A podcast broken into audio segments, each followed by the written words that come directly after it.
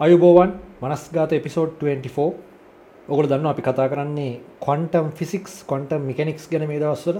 අපිට UFෝ සබ්ජෙට් එකත් එක් අධ්‍යනය කළ යුතු නිසා කතා කළ යුතුයි කියලා හිතච්ච මාතෘකාවක්.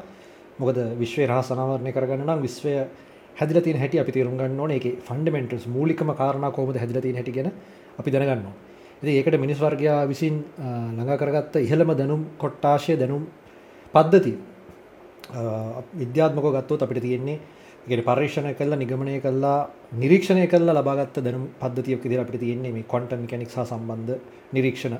නිරීක්ෂණ ඇතරම තියන ඒවගෙන අපිගේ සති කතා කර මූලික සංකල්පගෙන අවධානයක් ගත්තා. ති අද කතා කරන්න ඊළඟ ස්ටෙප් එක. ඉතින් අද කතාවට දසුන්ට අමතරව අපි දුලීක ජයිතිසකල මගේ ලෝන් ටයිම් යාළුවෙක්ට ආරාධන කරලා තියෙනවා ඔහු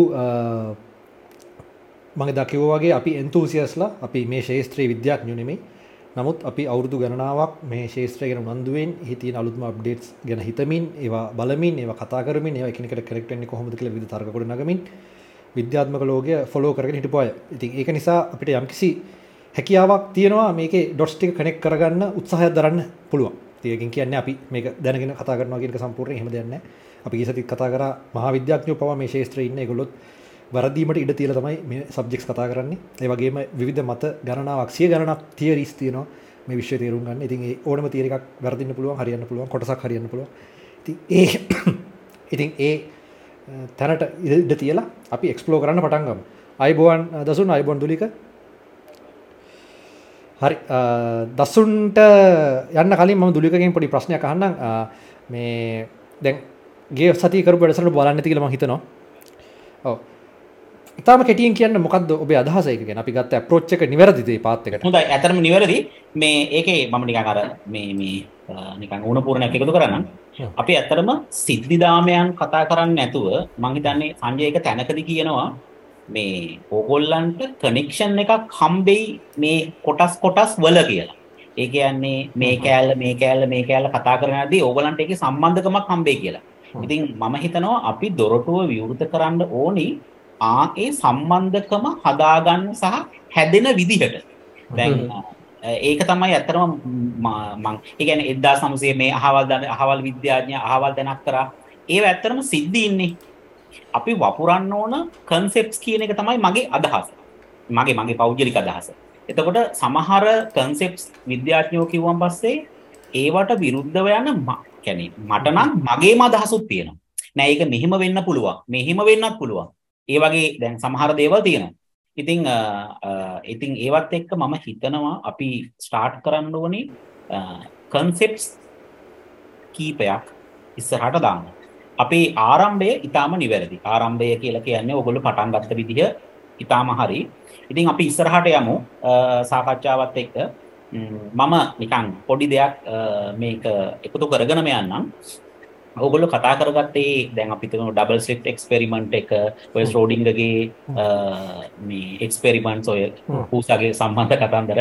ඔහු ඔක්කොම නිකං ඇතරම ගොඩාක් කල්ලින්දලා මේ පැවතකරෙන සංකල්ප ඉතිං මට හිතනවා මේ විෂය ඒකැන් දැන් අපි ඔය කුඩා වස්තුන්ගේ හැසිරීම කියන විෂය කතා කරන්න නම් අපි දැනගත යුතු තවත් කාරණා ගොඩාක් තියෙන ඉතින් ඒක ප්‍රධාන කාරණ මහිතන අපි එතෙන්ට ගිය නෑ. ස්ට්‍රිං තීරි වගේ අපි කතා කරන්න බලාපොරොත්තු හරි.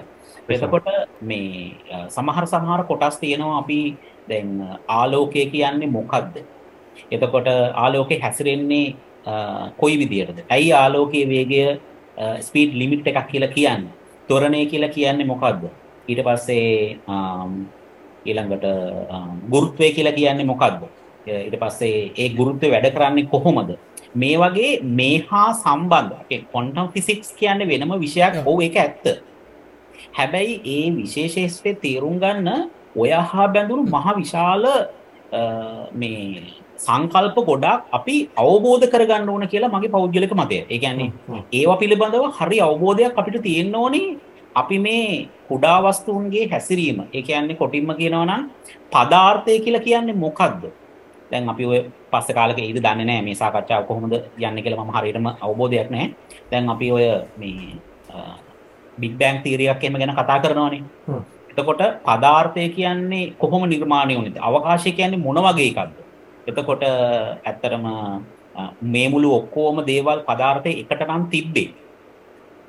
ඔය 2022 හොයාගත්ත සමහර හොයා ගැනීම් වලින් පස්සේ ඇත්තටම අවකාශය කියලා කියන්නේ ඉලූෂන් එකක්. ඇත්තටම අපි මේ දකින්නේ මායාවක්. එතකොට මෙන්න මේ වගේ ගොඩාක් ප්‍රශ්නත් එක්ක මේවා සංකල්ප.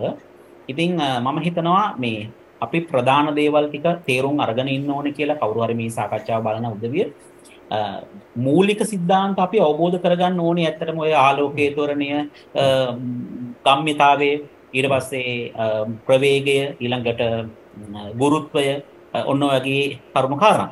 හරි. ඉතින් මේ ඔයගොල්ලෝ අප්‍රෝච් එකක් දෙන්න අපි ඉස්සරහට යන්නේ කොතනින්ද කියලා අපි එතනින් පටන් ගමු.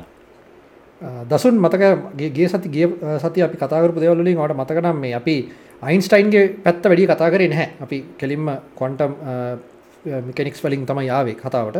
මකැමති අයින්ස්ටයින්ගේ පැත්තත් අරගෙන අපි එන්න. ඉට පසට කෝපන් හේගන් ඉන්ටපටේෂන එක පැත්තර ඇත්ම යන්න පුළුවන්. අයින්ස්ටයින්ගේ ස්වා ගැනීම කියන්නේ යාගේ විශේෂ විශේෂ සාපේක්ෂතාවාතය සහ ජෙනරල් තීර සාමාන්‍ය සාපේක්ෂතාවදි කියල කියන සිංහලකට අතර ඔන්න ඔය දෙක මොකක් දොය දෙකේ වෙනස මොකක්ද කියනකින අපි අ, සඳහනක් කරලා පටන්ගමතු කොහොමදසු ඔවු. ඒකත් හොඳ එනද ඒක ඇත්තරම මෙ- ඒ- දෙකේ සම්බන්ධතාවයක් තියනෝද කියල ප්‍රශ්නකුත් නයක මහිතන්න මේ මේ- මට මෙහම සම්බතාව පේන හැබැයි දැන් ගැන ය ස්පේෂල් තීරිය ෆිල්ටිවිටියකින් එයා පරූ් කරන්න ගත්තේ කාලය අවකාශය අතර සම්බන්ධය. ඉට පස්සේ එයාර යුනිෆයිට ෆිල් තියරි එක ගැන ඔක්කොම විස්තර කරන තනි විසඳුමක්කට ය ළඟා වෙන නම් කාලය අවකාශයත් එක් ඉලෙක්ට්‍රමක්නිස මෝවගේ ටිකක් ය විස්තර කරගෙන යන නමුත් යට ගුරුත්වයගෙන කොට සම්බන්ධ කරගන්න එකට තමයි ජනරල් තීරිය ෆිල්ටිවිට ගෙන්නේ ඒක එහෙමකිවොත් හරිද? ඔව් ඇත්තටම ගුරුත්වය සම්බන්ධ කරගන්න බැරි කියලා පස්සේ කාලෙක මේ උයිට එහා පැත්තේ මට මතකයි රාමෝනාලිකාවෙත් තම නෑද එහෙම නම් කිව්වට ගැටුවක් නැහැ නේද? නැකමන්න කාත්තෙක්වත් තරන මං හිතන්නේ මේ අ, රන්දිකත් කියනවා මේ පස්සේ කාලෙක සමහර සමහර දේවල් සම්බන්ධයෙන්. මගෙත් ඇත්තට මතයක් තියෙනවා ගුරුත්වය කියන්නේ බොහොම දුර්වල බලයක්.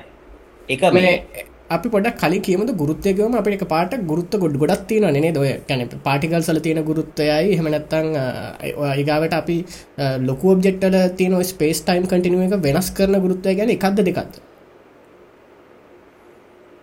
නෑ ඇත්තටම ඒ ඔක්කොම එකක්. ඒ කියන්නේ දැන් ඒ ඔක්කොම එකක්. මගේ පෞද්ගලික අදහස. ඒ කියන්නේ දැන් මෙහෙම එකක් නේ. ඔය ඔය හිග්ස් ෆීල්ඩ් එකේ අ, ඇති වෙන මේ දැන් ඒ පොට පොට පොට වැඩි හික්ස් ෆිල් ගියොත් ඒව දැන් ලොකු ප්‍රශ්නයක් කෙනවා හරි හරි. ඕකේ. හරි හරි හරි. ඒක ඇත්තටම ගුරුත්වය ගැන කතා කරනකොට ඊළඟට අපි අයින්ස්ටයින්ගේ පටන්ග තොර තොර කාලත් එක් මාරන ඇත හික්ස් ෆිල්ඩ පස්සන.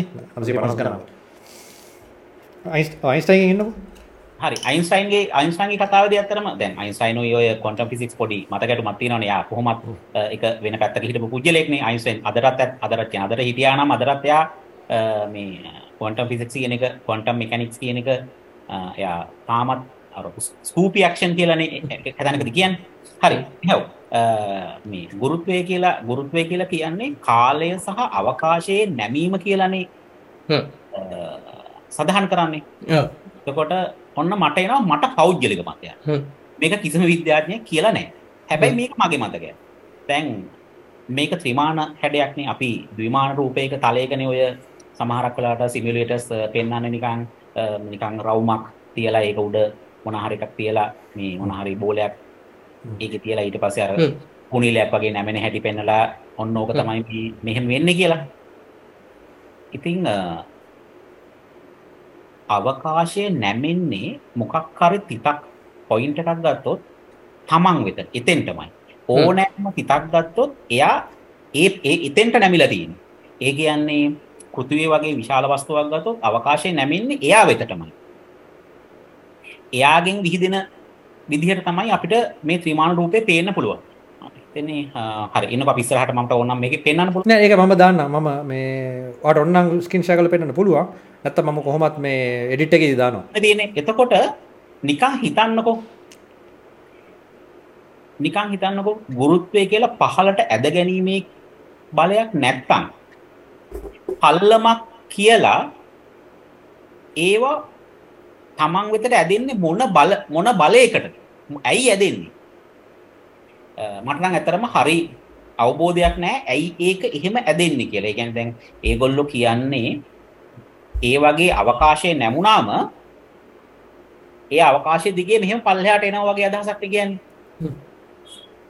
ඉතින් එහෙම එන්නත් දැන් විශ්වයේ නිකන් හිතන්නකෝ විශ්වයට වා එළියට යනකොට ඈතට විශ්වයට ගියාට පස්සේ ඉතින් විශ්වයේ මුකුත් ඇදෙන බලයක් නැත්තම් ඉතින් කොහොමද මෙහෙම එහෙම පල්ලමක් කියල එකක් එන්න නම් ජී පල්ලහාට වැඩ කරන්න ඕන.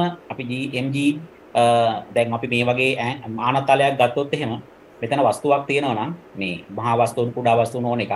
මේකට ලබ්බකෝ ක්‍රියාත්මකට MG තියෙනවා. එතකොට මේ කෝණය තීට නම් MG cos තීට බලයක් මෙහාට වැඩ කරන්න ඕනේ. MG sin තීට බලයක් මේ පැත්තට වැඩ කරන්න ඕනේ. එහෙමනේ ගොඩක් වෙලාට ඔය සමීකරණ වල සඳහන් කරන්නේ. ඉතින් M වරජ්ජී වෙන්න නම් ඒ වගේ එකක් මගේ මතකේ මතයට එන්නේ නැහැ. කොහොමද ඒ වගේ එකක් එක්ස්පලේන් කරන්න කියලා? මම ටිකක් ගැඹුරට ගියාට පස්සේ තමයි මට එහෙම හිතෙන්නේ. ඒක මගේ මතය හරිද? හැබැයි දුලික අතේ පොඩි බාධා කිරීමක් කරනවා. දැන් ඔය සමීකරණ දාලා පෙන්නේ මම හිතන්නේ නිව්ටෝනියන් ෆිසික්ස් පාර්ට් එකක් තමයි දැන් කිව්වේ. ඔව. එතකොට අයින්ස්ටයින් එතකොට ඇවිල්ලා දැන් නිව්ටන් කියලා මම මම දන්න තම අයක කටින්ම කියලද ලියලද මන්දන්න යාගේ අදහසක් තිබුණා දැයි අපිට ගුරුත්වේ එෆෙක්ට කැල්කුලෙට් කරන්න පුළුවන්. ගුරුත්වයෙන් ලැබෙන බලේ ප්‍රතිඵල අපට කල්කුලෙට් කල අපිට යම් වැඩ කරගන්න පුළුවන්. හැබයි ගුරුත්වය සූරයාගේ සිට පෘත්වයට බලපාන මාධ්‍ය කොහොම අපිට බලපාන ඇතරම කියන යට තේරුගන්න බැරිවුණා තුර අයිස්ටයින් ඒකට උදව්වක් විදිහට තමයි ඒක ඒක තේරුම් කරවීමේ විදිහක් විදිහට තමයි ඔය අහාලය අවකාශය නැමීම නිසා තමයි මේක ප්‍රගමණය වෙන්න මේ ගුරුත්වයකින බලය ප්‍රගමණය වෙන්න කියන එක ගෙන ඔයාහන්නේ එතන හැබැයි ප්‍රශ්න තින සංජය මේ මොකද ඒක බලයක් විදිට තේරුම් ගන්නක වැරදි. මොකද අපි අපි අපි ඉන්ටියවටවලි ඔව. අපි ඉන්ටියවටවලි අපි හිතනවා මෙතන බලයක් එන්න ඕන කියලමකද අපි දන්න අපි කවහර ෆෝසයක් දුන්න තමයි දෙයක් වෙනස් වෙන්න කියලමකද ඒක අප ඉන්ටියවටව් දේ. හැබැ මෙතන කවන්ට ඉන්ටියවටව් දෙයක් තමයි අයින්ස්ටයින් කියන්නේ. තකොට අපි ඒකර ඉන්ටියවටවලි අපිට බලයක් දුන්නම තමයි දෙයක් දේවල් දෙයක් එක ළඟට එන්නේ කියන අදහස අපි අමතක කරලා අපි මේක තෙවරුගන්න උත්සා කරන්න ඕනේ මේ මෙතන බලයක් කියන එක අප ඔළුවෙන්ම අමතක කරලා තමයි මේ දෙක එක ලං වෙනවා කියන සංසිද්ධිය අපි විග්‍රහ කරන්න ඕන කියනක තමයි මගේ පුද්ගලික අදහස. ඔය කියන්නේ කාලය සහ අවකාශය කියන්නේ දෙකක් නෙමේ එකක් කියලන කියන්න. ඒ දෙක ඉන්ටටුවෙන් වෙලා. දෙක එකක් කියනක නෙමේ ඒ දෙක එකක් මත එකක් යැපෙනවා. යැපෙනවා. එතකොට ඇතනම කියනවනම් ඒ දෙක වෙන වෙනම අපිට විස්තර කරන්න බෑ. බෑ. අන්න කාලය වෙනම අරගෙන විස්තර කරන්නත් බෑ අවකාශය වෙනම විස්තර කරගන්නත් බෑ. එතකොට මේ විශ්වය කියන එක ජීව එහෙම නැත්තං චලනය කියන එක එහෙම නැත්නම් කාලය ගමන් කරන නිසා තමයි අපිට මේ දේවල් පේන්නේ දැනෙන්නේ. ඒ වගේ කාලය කියන එක නැත්තම් මේක ස්ටිල් ඡායාරූපයක් වගේ. ඉතින් එහාට යන විදියක් නැහැ නේ. කාලය කියන්නේ ගලාගෙන යන දෙයක්. ඉතින් විශ්වය සහ විශ්වයේ අවකාශයයි කාලය දෙන්නම එකට බැඳිච්ච දෙන්නේ. ඒ දෙන්නත් ඒ දෙන්න එහෙන් අයින් කරන්නවත් මේ පැත්තෙන් අයින් කරන්නවත් බෑ. ඉතින් මම පොඩි දෙයක් මේ එකතු කරන්නම්. ඔය සංකල්පය අපිට කාට හරි කියලා දෙන්න පුළුවන් මම සංජයරත් මම දැන් දවසක් කිව්වා. අවබෝධ කරගන්න පුළුවන්. හැබැයි ඕක ගැන ටිකක් නිදහසේ කල්පනා කරනකොට සමහරට පැය ගණන් දවස් ගණන් කල්පනා කරනකොට අපිට ෆීල් වෙනවා ඔව් මේ කියන්නේ මෙහෙම එකක් කියලා. ආන් ඒක ෆීල් වුණ තැන. ඒ කියන්නේ ලයිට් එකක් පතුනාගේ ෆීල් වුණාම ඇත්තටම කියනවා නම් අපිට දැනෙනවා ඔව් හරියටම කාලය අවකාශය කියලා කියන්නේ දෙන්නෙක් නෙමෙයි කියලා. මං හිතනවා දැන් ඕක ඔය විදිහට ෆීල් වෙන්නේ මන් දන්නේ නැහැ මම නිකන් අයිඩියා ඔබට ෆීල් වෙච්ච එක අයින්ස්ටයින්ට ෆීල් වුණා කියලා කියන්නේ ඒකමද? ඔතර සංජය මත් ඕක උණපුර්ණය කරන්න එකන උණපුර්ණය නෙමෙයි කියන්නේ මං. හිතන්නේ එතුමාට වචන වලින් කියන්න බැරි අදහසක් තියෙන්නේ. ඔතන තියෙන්නේ මේ. ඒ කියන්නේ අපිට දැනෙනවනේ ආ මේක තමයි කියලා කනෙක්ට් වුණා කියන අර අර කිවේ අන්හරි ඉන්ටිවිට මේ කැන අපිට දෙයක් අපි සංකල්ප කීපයක් ඉගෙන ගන්නවා. ඉට පස් අපිට ඒවයි සහසම්බන්ධය අර හරියටම තේරුම් යන මොහොතක් කෙනවානේ ඒක එන්නේ අර නිකං ඉක්වේෂන් එක නෙමි ඒක ඒක අර කිව්වාගේ එක්වේෂන් එක මේක හිත හිත වෙනම ඉන්නකොට තමයි එක වෙලාගෙන තම මේක තේරෙන ගන්නේ. එක පාටම් පත්වර වගෙන මන් දනෑ මම මේ ඔය ඔය අයින්සයින් යි ප්‍රශ්තියන ඒතේ අපිට තේරුම් යන එක මද අනිත් කෙනට වැටහෙන් කෙනෙක් සාපෙක්ෂ වෙනස් වෙන්න හැකි අවතිරනේ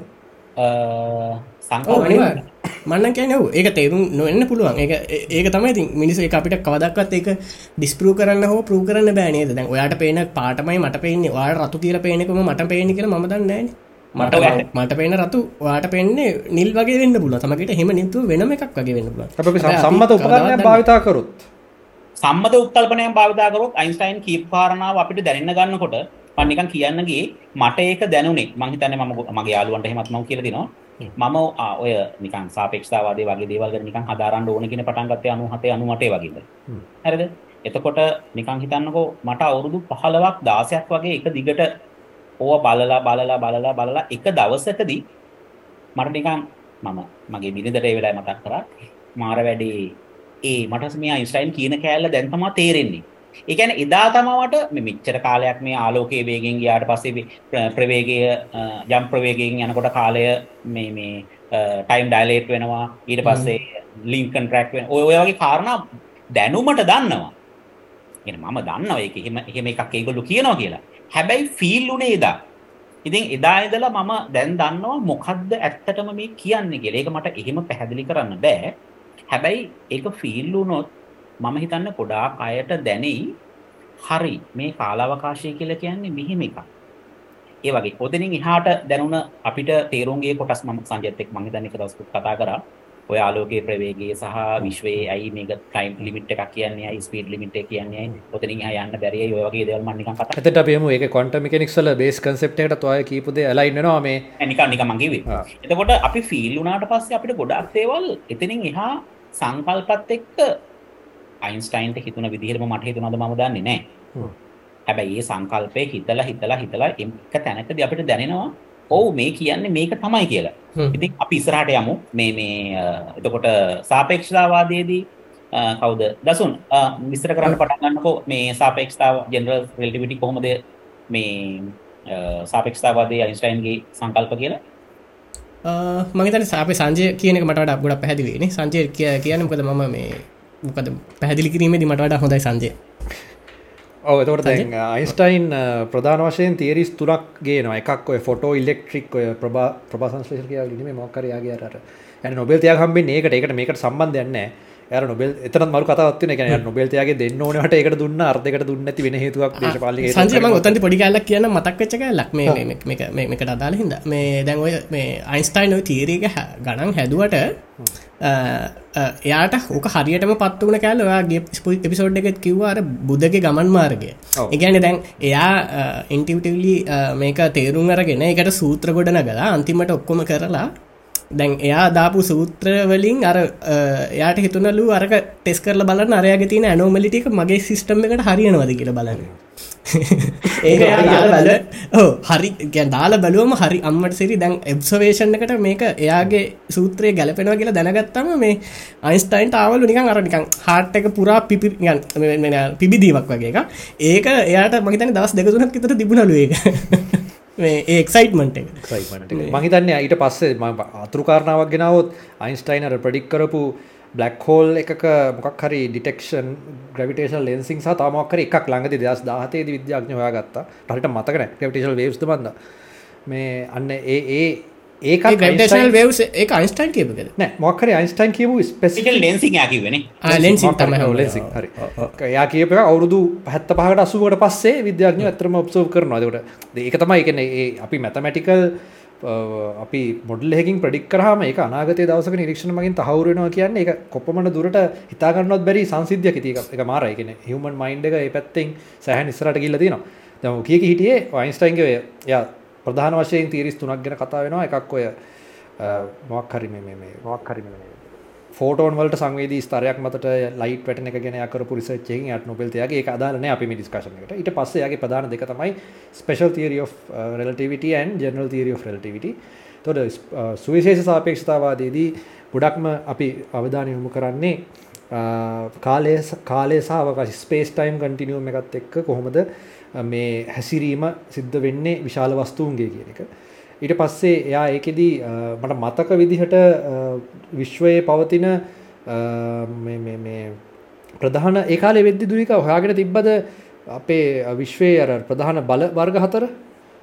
ඔව් ඔව් ඔව්. හතරම හොයාගෙන තිබ්බද? ඔව් හතරම හොයාගෙන තිබුණා. ඒකා ඒ ඊට ඊට ගොඩ කලින් ඇතර මේ කොන්සෙප් එන්නේ. ඒ සංකල්ප මට මට මතක දිර එදා සරති ගණන්වල ඉඳලා මේ සංකල්ප. ඒක 1900 පහේදි හයදි වගේ අයින්ස්ටයින් ඕක හොයාගන්නේ. ඔව්. එදා සම්සේ මට මතක එදා සම්සේ පහය හය වගේ තමයි ඕක හොයාගන්න. ඔව්. ඉතින් ඊට කලින් ඇත්තරම මේ මේ ඔය බලවර්ග ගැන මූලිකංචූන් ගැන ඒව ගැන කතා කරලා තිබුණා. එතකොට මේ එතකොට මේක සම්පූර්ණයෙන් කතා කරන්නේ ස්පීඩ් of ලයිට් ඒ පැත්තත් එක්ක යන අ, සම්පූර්ණයෙන් කොහොමද අ, මේ ගුරුත්වය නැති අවස්ථාවක ගුරුත්වය විස්තර නොකර කාලය අවකාශය වක්‍රීම වගේ දේවල් තමයි ඒක කතා කරන්නේ. නමුත් එතනින් එහාට යාට අඩුපාඩුවක් දැනෙනවා. මෙයාට මේකේ අ, වෙනසක් ඒ කියන්නේ මේ මේ ටිකෙන්ම මදි සම්පූර්ණ විශ්වය විස්තර කරන්න වගේ අදහසක් එක්ක එයා ඊළඟ ලෙවල් එකේ එයාගේ දෙවනි තියරි එක අපි ප්‍රධාන අපි දන්න අ, සාමාන්‍ය සාපේක්ෂතාවාදය පර්සිව් කරනවා. ඒකේදී එයා උත්සාහ කරනවා මේ ගුරුත්වය ග්‍රැවිටි කියන එකට අර්ථකථනයක් ලබා දෙන්න සහ ඒක වැඩ කරන හැටි තේරුම් ගන්න. ඔතනින් තමයි අ, අපි අයින්ස්ටයින්ගේ පැත්තෙන් එක අ, විදිහක ස්කූල් of thought කියලා අපි කියන එක හිතන විදිහකුත් ක්වන්ටම් මිකනික්ස් පැත්තෙන් තව හිතන විදිහකුත් ඒක මේ ඊටාම කුඩා අංශුන් මත බලපාන ග- මේ ශක්තියින් කොහොමද ඒවත් එක්ක හැසිරෙන්නේ වගේ දෙයක් එක්ක එන දේත් විශාල වස්තුන් මත ගුරුත්වය අ, අ, බලපාන හැටි ගැන අයින්ස්ටයින්ගේ පැත්තේ එන දේත් අතර අ, එක ගමනාගමනයක් සිද්ධ වෙනවා පැරලලි. මේ දෙක සම්බන්ධ කරන්න විවිධ අවස්ථාවලදී කට්ටිය උත්සාහ කරනවා. ඒ වගේම අයින්ස්ටයින් උත්සාහ කරනවා. එයාගේ ජෙනරල් තියරි ඔෆ් රිලටිවිටි එයාගේ ස්පෙෂල් තියරි ඔෆ් රිලටිවිටිත් එක්කත් සම්බන්ධ කරලා යුනිෆයිඩ් ෆීල්ඩ් තියරි එක හදන්න. නමුත් ඒ සියලුම දේවල් අ, එයාට බැරි වෙනවා. මොකද එයා අර මැරෙනකොට එයාගේ ෆොටෝ එක එයාගේ අර 60 ගණන් වල මම හිතන්නේ යන්නේ නැලේ. ඒතර එයාගේ අර පත්තරේ ෆොටෝ එකේ තිබ්බා. එයාගේ ඕපන් ඒ කියන්නේ ඉවර කරගන්න බැරි වෙච්ච නිබන්ධනය ඒකේ තියෙන්නේ. මේ යුනිෆයිඩ් ෆීල්ඩ් තියරි එක එයාම හදපු තියරිස් ටික එයාට කනෙක්ට් කරගන්න බැරි වුණා කියන එක තමයි අවසානයේදී උනේ. දැන් එතනින් තමයි ෆිසික්ස් ගැන ගොඩාක් අ, අ, අලුත් කට්ටියට ඔපචුනිටි එක තියෙන්නේ මේ පුළුවන් නම් මේක එකතු කරලා හොයාගන්න කියන එක. හැබැයි දැන් ඒකට හොඳ ඒකට හොඳම විදිය විදිහට දැනට වැඩි ප්‍රමාණයක් විද්‍යාඥයෝ පිළිගන්නේ මේ ක්වන්ටම් මිකනික්ස් හරහා එන යම් යම් තියරිස් ඒක හරහා තියරිස් ගොඩාක් ඇවිල්ලා තියෙනවා අපි ඒවා ගැන ඉස්සරහට කතා කරමු නමුත් අද මට විස්- විශේෂයෙන් කතා කරගන්න ඕනේ මේ අ, සාමාන්‍ය සාපේක්ෂතාවාදීන කන්සෙප්ට්ස් මොනවද? සහ ඒවා අපිට දැනෙන්නේ කොහොමද කියන එක දැන් දුලික ආරම්භයක් ගත්තා. ඒ දැනෙන්නේ කොහොමද කියන එක. සහ අපිට කොහොමද ඒක සාමාන්‍ය සිංහලෙන් අපි ඒක විස්තර කරගන්න? මාන සාපේක්ෂතාවාදී නීති කීපය පළවෙනිටම උපකල්පන ටික කතා කරමින් කතා. පළවෙනිම කෑල්ල තමයි සාමාන්‍ය සාපේක්ෂතාවාදයේදී උපකල්පනයක් කරනවා. ආලෝකය කොහෙදි මැන්න. කවුරු මැන්න කොයි විදිහට මැන්න? එක මගයක් ගන්න කිය ඉතින් මං හිතන්නේ මම නිකම් පොඩි ඔය පේපර් එක බැලුවා. C කියලා කියන්නේ යුනිවර්සල් කොන්ස්ටන්ට් කියන අයිඩියා එකකින්ද තමයි C කියලා ඇවිල්ලා තියෙන්නේ කියලා වගේ අදහසක් තමයි තිබුණ වර්ටෑසියම් එකෙත් මං හිතන්නේ ඒකට අදහසක් දීලා තිබුණේ. වර්ටෑසියම් channel එක බලනවා මම දා සංජය. වෙරිටාසියම් නේ? ඔව්, ඔව්. ඔව් වෙරි ඔව් සෝරි ඔවරිටේල්ස් එතකොට ඒ ඒගොල්ලෝ එයා channel එකේදී කිව්වේ මේ C කියලා කියන්නේ කොන්ස්ටන්ට් කියන එක. ඒ කියන්නේ නියතයක් කියන එක. යුනිවර්සල් කොන්ස්ටන්ට් කියන එක තමයි ඒකද.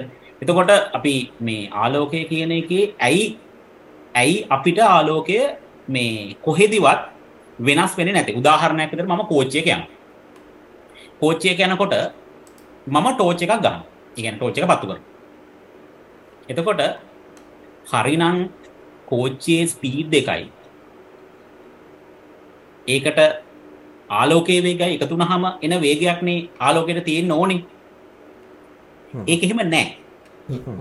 ඕක සංකල්පයක්. දැන් ඔය සංකල්පේ පළවෙනිටම තේරුම් ගන්න ඕන අපි ඇයි ඒක එහෙම නැති වෙන්නේ කියලා. මට හිතෙනවා ඒකත් ඔය දැනෙන දෙයක්. ටිකක් කල්පනා කරාම කල්පනා කරපුවම ඇයි ඒක එහෙම වෙන්නේ? ආලෝකයේ ස්වභාවය මොකද්ද? ෆෝටෝන්ස් කොහොමද ගමන් කරන්නේ? දැන් දැන් අපි ඔය පොඩි මත ගැටුම් වෙන තැනුත් තියෙනවා. දැන් අපි කියනවානේ ෆෝටෝන් වලට ගම්මිතාවයක් තියෙනවා කියලා. හැබැයි ස්කන් ස්කන්ධයන්න මේ ඕක කියදම පොඩි කෑලක් මතක් කරන ම දැන් ළඟදි බලපු එක්ස්ප්‍රනේෂණයක් තියෙනවා. ෆෝටෝන් එකට ගම්මතා මෙකැන මේ ස්මාස් එකක් තියෙනවද නැද්ද කියලා අපි හරියටම දන්නේ නෑ කියල. හේතුව අපිට මෙෂය කරගන්න බෑ කියලගෙන අපි අපිට මෙෂය කරන්න පුළුවන් ලෙවල්ල එක තිබ තියෙනවනම් ඒ අපිට කර මෙෂය කරන්න පුළුවන් ලෙවල්ලකට වඩා අඩු ලෙවල් එකකින් තියෙන කියන එක. හැබැයි ඒක එච්චර වැදගත් නෑ කියලා එයාම පස්ස කියන මොකද මේ මොකද මේ අ, අපිට මෙෂය කරන්න බැරිනම් ඉතින් කරන්න දෙකුත් නැහැ. අපිට අ, මේ අ, මොකද මාස් එකක් නැති දේකට තියෙන ළඟමදේ ඒක. එතකොට ඒක වුණා කියලා ගැන ඇත්තට මොය සී කියන එක ලයිට් එක ස්පීඩ් එක කියලා අපි ගන්නේ අ, අපි දන්න එහෙම පාටිකල්ලෙකට කැන එහෙම මේ පාටිකල්ලම එහෙම මේ වනද ඒකට තියන්නේ ෆෝටෝන් එක හින්දා. මේ නැතුව ඒ කොන්ස්ටන්සකගේ ඉට වෙනසගයක් වන්න පුළුවන් සමකට චුට්ටක් විතර. ඒක ඉතින් හැබ අදාල නෑකලම අපි ඔබ්සර්ග නිවර්ස අපිට ෆෝටෝන් තමයි දකින්න ලැබෙන හැබයි ස්ටන්ඩඩ් මොඩල් පාටිකල් ෆිසික්ස් වල ෆෝටෝන් එක එනජි කැරිය එකක් විදිර ගන්නේ එනජික තමයි ගෙනියන්නේ. එයට මාස් කරන්න මාසයන් නෑ කියන්නේ අපට මයින්ඩ පුළුවන් විදි මාසයන්න හැබැයි සමහරක් අයි කියනවා හිතන් එකට මාසයක් තිීන වෙන්න පුළුවන්. අපිට එක ඩිටෙක් කරගන්න බෑ. එකන්නේ සමකට ඒ ප්ලාන්ස් මාස්කට වඩා අඩුයේ. හිද කරම් දෙන්න කියලා. එතනදී මේ අපි චුට්ටකයි මාතෘකාවට ඇවිල්ලෙන් ඒ සමාන එන්සි වර්ගයට පොඩි අවුලක් යනවා මාස්කයක් චුට්ටක් කර තිබ්බෝ නෑ එතන සී එක තමයි. එතන එතන අදහස සී කියන්නේ මනාද මේ ආලෝකය කියල ගත්තොත් තම ප්‍රශ්නය සී කියන එක කොන්ස්ටන්ස එකක්. ඒකට අපි දාන අපි දන්න එකක් පිදි තම ආලෝකය ගන එක්සාම්පල හැබැයි ඒක හදිසල් මාසය තිබුණ කියලා අර වෙනස්සෙන්න ඒ සී එක වෙන එක ඒක අපි දන්න හොඳ එක්සාම්පල එක අපි ඉන්ටරෙන්ජ් චෙන්ජබල් විදිර පාචි කරන ම මේ ම මේක ගැන මේ තිපිච්ච මේ වීඩියක් තියෙන ම සංජය පුළවුණොත් මේ තියක ඩිෆයින් කරද්ද මෙයා සී කියන්න ආලෝක ප්‍රවේග කියලා කියනවා කියනේ ඕ ඒ ඒක ගන්න අපි තේරු දැත් එහම තම තේරි ඩිෆයින් කරන්නේ. පස්සේක රිෆයින් වෙනවා නති මේ මංවාට මේ මං කියනකට මේ බැක් කරන්න මං අර මේ ආට මේක දෙන්න කද මේ හරි එතකොට එකක් තමයි ඕකේ ආලෝක තාම අපි කතා කරන්න ස්පේෂල් රලටිවිට කියන එතකොට ඊළඟ එක තමයි අපිට නැහැ කියලා කියනවා ඒන්නේ රිලටව මෝෂන් එකක් තමා තියෙන්නේ එතකොට අපිට කවදාවන්න දැන් අපිතමකු මම යනවා. මම යන්නේ කාට සාපේක්ෂවද? එතකොට මට මූමන්ට් එකක් මගේ මූමන්ට් එක පැට කිලෝමීටර් නැතම් ප්‍රවේගයක් මෙන්න මෙච්චර ප්‍රවේග එහෙම එකක් කියන්න බෑ. ඒක නිකන් අර අඟහරෝද නමෙන් බිදෙනවගේ කෑල්ල එතකොට මම හැමවෙලේම චලනය වෙන්නේ කාට හරි සාපේක්ෂව කියන එක තම රිලටව් මෝෂන් එකක් තම අපිට තියෙන්නේ. නිරපේක්ෂ මෝෂන් එකක් නෑ. ඔය ඊළඟ සංකල්පය. මන්දා දසුන්ට පුළුවන් විස්තර කරන්නකෝ. ඇත්තරම අපි ඒ කතා කරමු. ඇයි ආලෝකයට ඇයි ආලෝක හැමෝගෙම හැමෝම බලපු හම එකම නීතාගේ ගන්න ඒක මේ ඒක මේ මම තේරුම් ගත විදි කියන්නේද? මම හිත් කියන්නේ අපි අපි ඒක තමයි ඔබ්සර්ව් කරපු දේ ඒක එකන අපි පයිස්ටයින්ට කලින් ගොබ්සර් කරල තිබුණ ආලෝකයේ ස්පීඩ් එක කොහොම මෙන්නත් වෙනස්සෙන් නෑ කියලා. ඒක ඒක අපිට එකම මාධ්‍ය තුළ. ඕ එකම මාධ්‍යක එක මාධ්‍ය තුළ. රික්තකයක් තුළ දී තමයි ගාන ගන්න. එක පස්ස රිෆයිනචක අපිම දැනට සරලගත්තොත් අපි දන්නවා මේ ඒක එහෙම අර කිව්වගේ කෝච්චයගෙන් යනකොට ගත්ත කියල ඒගේ එකතුවෙන් නෑ කියල. ඒ අපි ඔබ්සර් කල දැනගත්ත අයින්ස්ටයින් කියන්න කලින්. හැබැයි ඊට පස්ස අපි දැනගත්ත විදියට එකට ගැලපෙන විදිට අපි සූත්‍ර හැදවා. එතකොට එතකොට දැන් අයිස්ටයින් ම හිතන්න අයිස්ටයින් හිතන්න ඇත්තේ මේක වෙනස් වෙන්න නැත්තං වෙනස් වෙන්න ඕනි කාලේ කාලේ වේගේ වෙනස්වෙන් නැත්තං වෙනස් වෙන්න ඕනි කාලය කිය ඒකෙන් තමයි එයා කාලය වෙනස් වෙනවා නම් එතකොට එහෙනම් ස්පේස් එකත් මේකම වෙනස් වෙලා තියෙනවා. ගැන අර එතකොට ආලෝකයට සාපේක්ෂ යා ගමන් කරන ස්පීඩ් එක එයා ඒ අනුව ස්පේස් ටයිම් එක කටිනුවම එක වෙනස් වෙන ස්වභාවය ඒක පැහැදිලි වෙනවා. ගැන දැන් අපි ගමු මේ මරාර මේ නිකං දර්පන දෙකක් උඩයි යටයි තියලා. යටින් ඉලෙක්ට්‍රෝන් එකක් උඩට යන උඩේන්දලායි ඒ දර්පනය වැදිල පල්ලෙ හටනවා යයි උපකල්පනය කළොත්. යයි උපකල්පනය කරොත් එතකොට ඒ දර්පන දෙක අපි ප්‍රවේගයක් එක්ක ඉස්සරහට යවනවා ඉස්සරහට යවනකොට මේ දර්පණය යට තියෙන ඉලෙක්ට්‍රෝන් එක උඩ වැදිලා ආයි යටට එනවා ආයි උඩට එනවා ආයි යටට එනවා. එතකොට ඒ එතන ඉන්න කෙනාට පේන්නේ ওই විදිහේ මොමන්ටම් එකක්. හැබැයි අපි දුර ඉඳලා බැලුවොත් එයාට පේන්නේ මෙහෙම මොමන්ටම් එකක්. වැඩි දුරක් වගේ.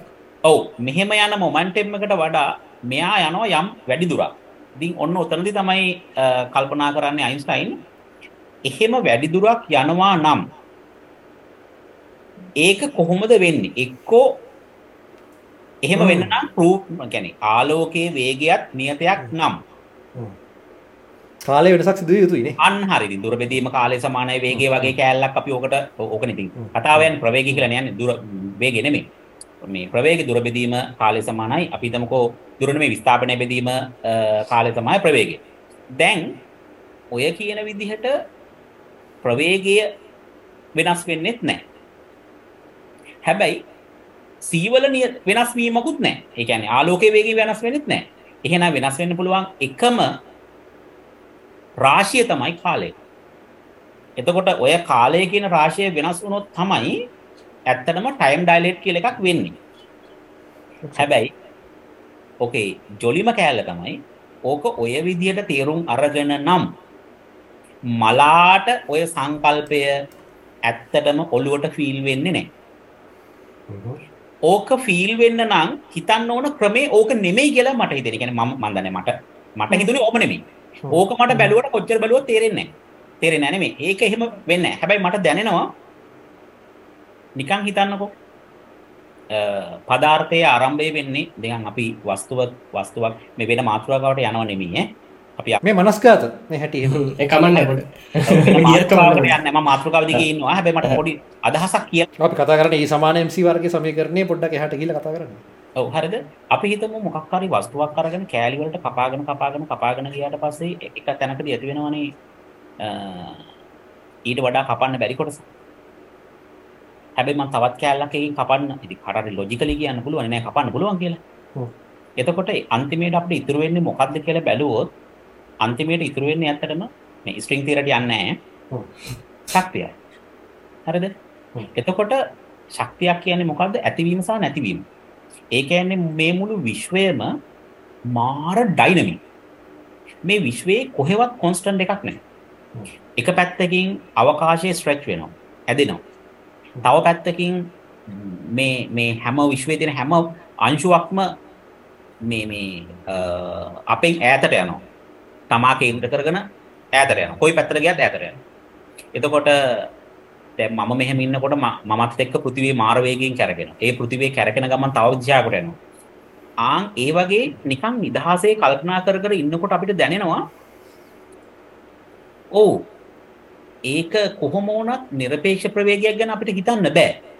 මේක මේ කොහෙවත් තැනක නැවතිලා තියෙන එකක් නෙමෙයි. ඔව් හැම එකක්ම සාපේක්ෂයි තමයි. අන්න එතකොට කාලයේ අවකාශය දැනුණ කෙනෙක්ට තේරෙනවා කාලය කියන එක තමයි එකම වෙනස් විය හැකි රාශිය. මෙන්න මේ වගේ ප්‍රවේග වෙනසකදී ඒ කියන්නේ චලනයේ ඔයා ඉන්නේ දැන් සංජයයි මමයි ඉන්නේ එකම තලයක එකම ෆ්‍රේම් එකක. සංජයටයි මටයි ආසන වශයෙන් කාලය සමානයි. හැබැයි අපි හිතමුකෝ වාහනයක කවුරු හරි යනවා කියලා. එහෙම නැත්නම් පෘථිවියෙන් එළිය කවුරු හරි යනවා කියලා. ආන් එතකොට එයාගේ ෆ්‍රේම් එක වෙනස්. මට මතකයි මේ මේ නලින් සිල්වත් එක සැරයක් කියනවා මේ ෆ්‍රේම් රෙෆරන්ස් ෆ්‍රේම් දෙකක දෙයක් කොහොමද මේ කනෙක්ට් කරන්න කියලා. නෑ ඇත්තටම එතනදී මම හිතන්නේ නලින් සිල්වා මහත්තයාට නලින් සිල්වා නේද සංජය? එයාට වැරදිච්ච යනක් තියෙනවා. ඒ එයා කතා කරන සංකල්පය නෙමෙයි අයින්ස්ටයින් කතා කරන්නේ. අයින්ස්ටයින් කතා කරපු සංකල්ප ඊට වඩා ගොඩක් වෙනස්. එයාට මම හිතන්නේ ඒක පොඩ්ඩක් පැටලලා එයා තමයි එයා කියන්නේ. ඒ රෙෆරන්ස් ෆ්‍රේම් දෙකක් කියන්නේ එකට ගන්න පුළුවන් දෙයක් නෙමෙයි කියලා එතකොට වෙන කෙනෙක් වෙන රෙෆරන්ස් ෆ්‍රේම් එකක නෙමෙයි එයා ඒ ෆ්‍රේම් එකේ ඉඳලම එළියට යනවා නම් හරි ඇතුළට එනවා නම් හරි චලනයක් දක්වනවා නම් ඒ චලනය කියන එක නිකන් නිදහසේ හිතුවම අපිට දැනෙන්න ගන්නවා ඒ චලනය කියන එක එහෙම වෙනකොට හැමදේම චලනය වෙනකොට මේ ඉලෙක්ට්‍රෝන පොඩි අංශුන් පවා චලනය වෙනකොට මම මේක කිව්වට දැනෙන්නේ නැහැ. කාලේ තමයි එහෙනම් වෙන්න පුළුවන් එකම රාශිය කියලා. ඔන්න ඕක ෆීල් වෙන්න ගන්න. ඉතින් මම හිතන්නේ අර මෙන්න මෙහෙම දෙකක් තියාගෙන මේකෙන් ඉලෙක්ට්‍රෝනයක් මෙහෙම මෙහෙම යනකොට මෙහෙම යනකොට ඒක ටිකක් අර සික්සැක් කෝණයකින් යනවා. ඒකින්ද වැඩි දුරක් යනවා. ඒක මැතමැටිකල් මොඩල් එකක්. හැබැයි ඒක කන්සෙප්චුවල් මොඩල් එකක් නෙමෙයි. ඉතින් එතකොට මම මම මට මම දකින විදිහට ඒ විදිහ තමයි මම තේරුම් ගත්තේ කාලයකම තමයි ඩයිලෙට් වෙන්න පුළුවන් කියලා. කාට හරි කෙනෙක්ට ඕක දැනුණොත් එයාට තේරෙනවා හරි කාලය තමයි එකම රාශිය අපිට වෙනස් වෙන්න පුළුවන්. අනිත් රාශි නෙමෙයි කියලා. ඉතින් හරි ඉස්සරහට යමු. මැද්දේ මැද්දේ පොඩි ආදල් එකක් දාන්න. මේ E සමාන MC වර්ගයේ මිනිස්සු තේරුම් අරන් ඉන්න විදිහ හරිද? මේ ඔව ඒක මට කියදවට තයිකක් මේ මතක් වන ඕක සම්පූර්ණ සූත්‍රයෙන් මොමෙන්ටම නැතිවුණම යෝකයි නොකට මොමෙන්ටම් කෑලකුත් එකතු වෙන ප්ලස්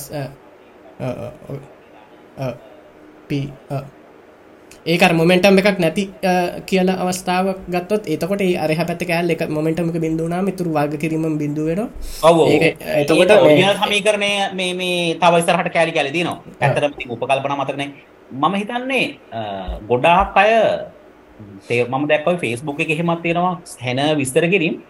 මේ අපි කැමති දැනගන්න ඔබේ අර්ථකථනය මොකක්ද ඒක? ඇත්තටම E සමාන MC වර්ගයේ ශක්තිය දැන් අපි හිතමුකෝ ග්‍රෑම් එකක් අපි දැන් විලේනේ ප්‍රතික්‍රියා ගැන මම දැන කතා කරලා තියෙනවා. නෑ ඒක වැරදි. කියන්නේ මම හිතන විදිහට ඒක වැරදි. හරිද? ඒ කියන්නේ පෘථිවියේ සූර්යාගේ සිද්ධ වෙනවලු ඔය ඇටොමික් පවර් වලදී සිද්ධ වෙන්නේ. ඒවා E MC වර්ගේ නෑ නෑ නෑ. ඒ කියන්නේ ස්කන්ධේ කවදාවත් ශක්තියක් බවට පරිවර්තනය කරන්න බෑ. ස්කන්ධේ ශක්තියක් බවට පරිවර්තනය වෙන්නේත් නෑ. හරිද? ඒක E MC වර්ගයේ නෙමෙයි. හැබැයි ඇත්ත ඔරිජිනල් E සමාන MC වර්ගයේ මම දන්න විදිහට අයින්ස්ටයින් විස්තර කරේ සහ ඇත්ත තේරුම තමයි අපි හිතමුකෝ එක ඔර්ලෝසුවක් තියෙනවා එයාගේ බර අපි හිතමුකෝ ග්‍රෑම් 25ක්. තව ඔර්ලෝසුවක් තියෙනවා ඒ ඔර්ලෝසුව වැඩ කරන ගමන් තියෙන. දැන් මම කලින් කිව්ව ඔර්ලෝසුව වැඩ කරන්නේ නැහැ. හරිද? එතකොට මේ වැඩ කරන ඔර්ලෝසුව වැඩ කරන්නේ නැති ඔර්ලෝසුවට වඩා ටිකක් බරයි.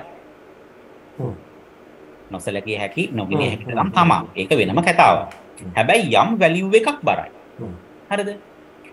අන්න ඒ වැඩි වෙන බර එන්නේ කයිනෙටික් එනර්ජි එහෙම නැත්නම් අපි හිතමුකෝ මේ මේ චලනය වෙන එනර්ජි එක තාපය වශයෙන් පිට වෙන එක සද්ද වශයෙන් පිට වෙන එක ඔන්න ඔය ශක්තිය ඊ කියලා ගත්තොත් වෙනස? ඔව්. නෑ. දැන් අරයා නැවතිලා තියෙන ඔරලෝසුවක ශබ්ද එනවද? නෑ. එයාගේ තාපය හට ගන්නවද? නෑ. එයාගේ චලනය වීම නිසා ඇතිවන ශක්තියක් තියෙනවද? නෑ. අර අරිත් ඔරලෝසුවේ වැඩිවන බර සමාන වෙන්නේ අර ඊ සමානයි MC වර්ගය කියලා එම ස්කන්ධයක්නේ වැඩි වෙන්නේ. ඒ ස්කන්ධය සමාන වෙන්නේ ඊ බෙදීම C වර්ගයට. ඒ කියන්නේ දැන් හිතන්නකෝ වැඩි වුණේ කැලරි සෝරි ශක්තිය මොකක් හරි අපි හිතමුකෝ ජූල් 20ක් වැඩි වුණා කියලා. ඉතාම හිතන්න බැරි පොඩි ප්‍රමාණයක් මේ උදාහරණයකට ඉස්සක් ඔව් ඔව් ඔව් ඒක මම නිකන් උදාහරණයක් ගන්නෙ. එතකොට ඒක C වර්ගයෙන් බෙදුවොත් මොන හරි එනවනේ අගයක්. අන්න ඒ අගය සමානයි අන්න අර වැඩි වුණු ස්කන්ධයට. ඕක තමයි ඇත්ත තේරුම. තාම ගොඩක් ස්කන්ධය. හරිද? ඒක තමයි ඇත්ත තේරුම. එහෙම නැතුව ගොඩ මන් දන්නේ ගොඩාක් කට්ටිය කතා කරපුවා මාත් එක්කම කතා කරන කට්ටිය තේරුම් ගන්නවා මේ ඔව් ඊ සමාන MC වර්ගේ ලියන්න පහසු අර ජනප්‍රිය කරවන නිසා ඒක අර පැත්තට ඊ දාලා මේ පැත්තට MC දැම්ම වගේ කතාවකුත් තියෙනවා. හැබැයි ඔයාගේ විදිහට තමයි ඇත්තට මේක ආවේ මුලින්. ඔව් එතකොට ඒ කියන්නේ වැඩිවන ස්කන්ධේ ප්‍රමාණය මනින්න තමයි අපි ඊ බෙදීම C වර්ගය කියන කෑල්ලක් ගෙනාවේ. වැඩිවෙන ස්කන්ධය සමානයි ඊ බෙදීම C වර්ගය. ඒ ශක්තිය ටික එකතු වුනහම කයිනටික් එනර්ජි එකයි තාපයයි තාපයයි ශබ්දයයි චලනයයි එන එනර්ජි ටික එකතු කරලා ඒක බෙදනවා C වර්ගයෙන්. C වර්ගයෙන් බෙදනවා මොන හරි අගයක් එනවනේ. ඒ අගය තමයි අර ඔර්ලෝසුව වඩා මේ ඔර්ලෝසුවේ තියෙන වැඩිවන බර. හරිද? එතකොට කොයිම මොහොතකදිවත් ස්කන්ධයක් ශක්තියක් වුණාම ස්කන්ධයක් ශක්තියක් බවට පත් වුණාට පස්සේ ඒකේ ශක්තිය E සමානයි අර ස්කන්ධයේ වරක් C වර්ගයට සමානයි කියන අයිඩියා එක නෙමෙයි ඒකේ තියෙන්නේ. හැබැයි ගොඩාක් අය තේරුම් අරන් ඉන්නේ ග්‍රෑම් එකක් ශක්තිය බවට පත් කරපුවාම කොච්චර ශක්තියක් එනවද? එතකොට එහෙනම් සූර්යාගේ වෙන්නේ ඕකමයි. එහෙනම් ඇටමික් බොම්බල ඇටමික් පව ඒක ඒක අර විදියට හොයාගත්ත එකේ ඩිරයිව් කරපු මීනින් එකක්. ඒකෙන් ආපු තේරුමක් තමයි දැන් අපි භාවිතා කරන්නේ. එහෙමද වා කියන්නේ? ඇත්තටම ඒක එහෙම නෙමෙයි. ඒක එහෙම වෙන්නේ. එතකොට මම දක්වපු ඔය වෙරිටාසෙම් වල එහෙම තිබුණේ අපි හැමෝම මේ අපි හොයාගත්තේ ඒවා නෙමෙයි. අර සංජය මුලින් කිව්වා වගේ අපි මේ හොයාගත්තේ ඒවා නෙමෙයි. එතකොට මම දැකපු ගොඩක්ම වීඩියෝස් වල විස්තර කිරීම් වල වයිට් පේපර්ස් වල ඉන්ටර්නෙට් වල තියෙන ඇත්ත තේරුම් හැටියට කියන්නේ මේ ස්කන්ධයක් ශක්තියක් බවට පරිවර්තනය වෙනවා කියලාවත් ඒ වුණාම ඒ ශක්තිය මේක කියලාවත් නෙමෙයි. ඔන්න ඔය වගේ අයිඩියා එකක් තමයි ඇත්තටම මේ E සමාන MC වර්ගය කියන එකේ තියෙන්නේ. හරි අපි ඉස්සරහට යමු. දැට පස්සේ ජනල් තිරිය ෆ්‍රලටිවිටිය එකෙන් අපි ගුරුත්ව විස්තර කරන්න උත්සා කරනවා විශාල වස්තුන්වල එතන තමයි මට ඊළඟ ආරම්භය ගන්න දීන අපිට එතකොට ගුරුත්වය කියන එක ඇයි වෙනම විස්තර කරන්න අවශ්‍ය එකතයි ප්‍රශ්නය මොකක්ද ඒක? අමුතු දේ කියන්නේ දැන්? අර කලින් එකෙන් අපිට විස්තර කරන්න පුළුවන් දුබල න්‍යෂ්ටික ප්‍රබල න්‍යෂ්ටික විද්‍යුත් චුම්බක ඔක්කොම දේවල්. සහ එතෙක් ආපු තීරසලය විස්තර වෙලා තියෙනවා. ඒවා සහ ඒවා පරීක්ෂණයට යටත් වෙලා තියෙනවා. අපි ඒ ෆෝසස් මනින්න දන්නවා. ස්ටන්ඩ් මොඩල් එක ස්ටන් මොඩලට පස්සේ මොන ස්ටන් මොඩල එක ටික හරියටම කතා වෙනවා. ඒ කියන්නේ අපි ඒ ඒ ඔස්සේ පාටිකල් ඇක්සලරේටර්ස් වල මේ විවිධ ෆෝටෝන ඉලෙක්ට්‍රෝන හප්පලා ඒවා කුඩු වෙනකොට ඒවෙන් එන නිරීක්ෂණ මගින් මේ සියලුම ස්ටෑන්ඩඩ් මොඩල් එකේ තියෙන සෑහෙන ප්‍රමාණයක් නිරීක්ෂණය මගින්ම තහවුරු කරගෙන පරීක්ෂණය මගින්ම තහවුරු කරගෙන තියෙනවා තවදුරටත් තීරි නෙමෙයි හැබැයි මේ ගුරුත්වය කියන කෑල්ල තාම අමාරුයි තේරුම් ගන්න. ඒ කියන්නේ තාම ගුරුත්වය කියන කෑල්ල අපිට එකතු කරගන්න බැරි වෙලා තියෙනවා මේ සම්පූර්ණ එක එක එක අන්ඩර්ස්ටෑන්ඩින් එකට එන්න බැරිලා තියෙනවා. කුඩ අපි පරමාණු ඇතුලේ සිද්ධ වෙන දේවල් වෙනත් විදිහකට ගුරුත්වය හැමුවේ ක්‍රියා කරනවා. එළියේ ලොකු විශාල වස්තුන් මැක්‍රෝ කියන ඒවා වෙනත් විදිහට ක්‍රියා කරනවා. ඇයි මේ දෙක එකතු කරගන්න බැරි? මොකද්ද මේ ගුරුත්වයේ තියෙන වෙනස? ඒකෙදි ඇත්තටම මේ ගොඩක් අය කියන්නේ නෑ ගොඩක් අය නෙමෙයි. ඒකේ සංකල්පම විදිහට කියන්න නම් ගුරුත්වය කියන්නේ ඒ තරමටම දුර්වල බලයක්. ඒකයි ඒක ඒතෙන් ඒ කියන්නේ ඒ කියන්නේ මැනිය නොහැකි තරමටම දුර්වල බලයක්. ඒක නිසායි ඒ දුර්වල බලය ඒ ඒ ඒ බලය කියමුත් ආයි අර අපි අපි අර මුලින් කතා බලය නෙමෙයි. ඒ කියන්නේ දුර්වල ෆීල්ඩ් එකක් කියන්නම්කෝ. ෆන්ඩමෙන්ටල් මොකක් හරි මේ අන්න හරි අන්න හරි ෆන්ඩමෙන්ටල් මොකක් හරි එකක්. ඒ ෆන්ඩමෙන්ටල් මොකක් හරි එක තාම දුර්වල. ඒ කියන්නේ කොච්චර දුර්වලද කියනවා නම් ඒක තාම ඔබන්න බැරි වෙලා තියෙනවා. ඒ කියන්නේ මෙන්න මෙතෙන්ද ගුරුත්වය ඔබමු. දැන් ගුරුත්වය ඔබන්න එපා. දැන් ගුරුත්වය කියන එක අපිට ෆීල්ඩ් එකේ තියෙන පැහැදිලිව පේන එකන්නේ. හැබැයි ඒක ඔබන්න කොහෙවත් තැනක් නැහැ. ඒක ඔබපු ගමන් ඔක්කොම සමීකරණ ෆුල් අවුල් යනවා. හරිද? ඒක හින්දා තාම ඒක ඔබා ගන්න තැනක් නැහැ. ඒක ඒ අන්තිමේට තීරණය ඇවිල්ලා තියෙන්නේ ඒක ඒ තරම්ම දුර්වලයි. ඒකයි ඒක ඔබන්න තැනක් නැත්තේ කියලා. ඒක අයිඩෙන්ටිෆයි කරගන්න බැරි තරම් දුර්වලයි කියලා. ඕක තමයි ඉතින් ඇත්තටම මේ අදහස. හැබැයි ඒකත් වෙන්න බැරිද? ඒ කියන්නේ ඇත්තටම දැන් සබ් ඇටොමික් ලෙවල් එකට ගියාම කොහොමත් ඒ දුර්වල බලයක් ඇතරම සෑහෙන ගොඩක් එකතුනාම ස්පේස් ටයිම් කටිනුවම එක වෙනස්වීම අපිට දැනෙන්නේ එකන ඇත්තරම ඉතින් එතකොට ඇටමික් ලෙවල්ල එකද අපි ස්පේස් ටයිම් කටිනුවෙන්ගේ වෙනසක් හොයනවා කියනක එක් විදිට විහිලු වැඩක් වෙන්න ඒ බෑ බලන්න. ඒක එතරම්ම චූටි. ඉතින් ඇත්තරම කියනවනම් ඒක සූරයා වගේ මහා විශාල වස්තුවකට ඒක එහෙම වුණාට ඇටමික් ලෙවල් එකට ගියාට පස්සේ ඒක එහෙම මනින්න පුළුවන්.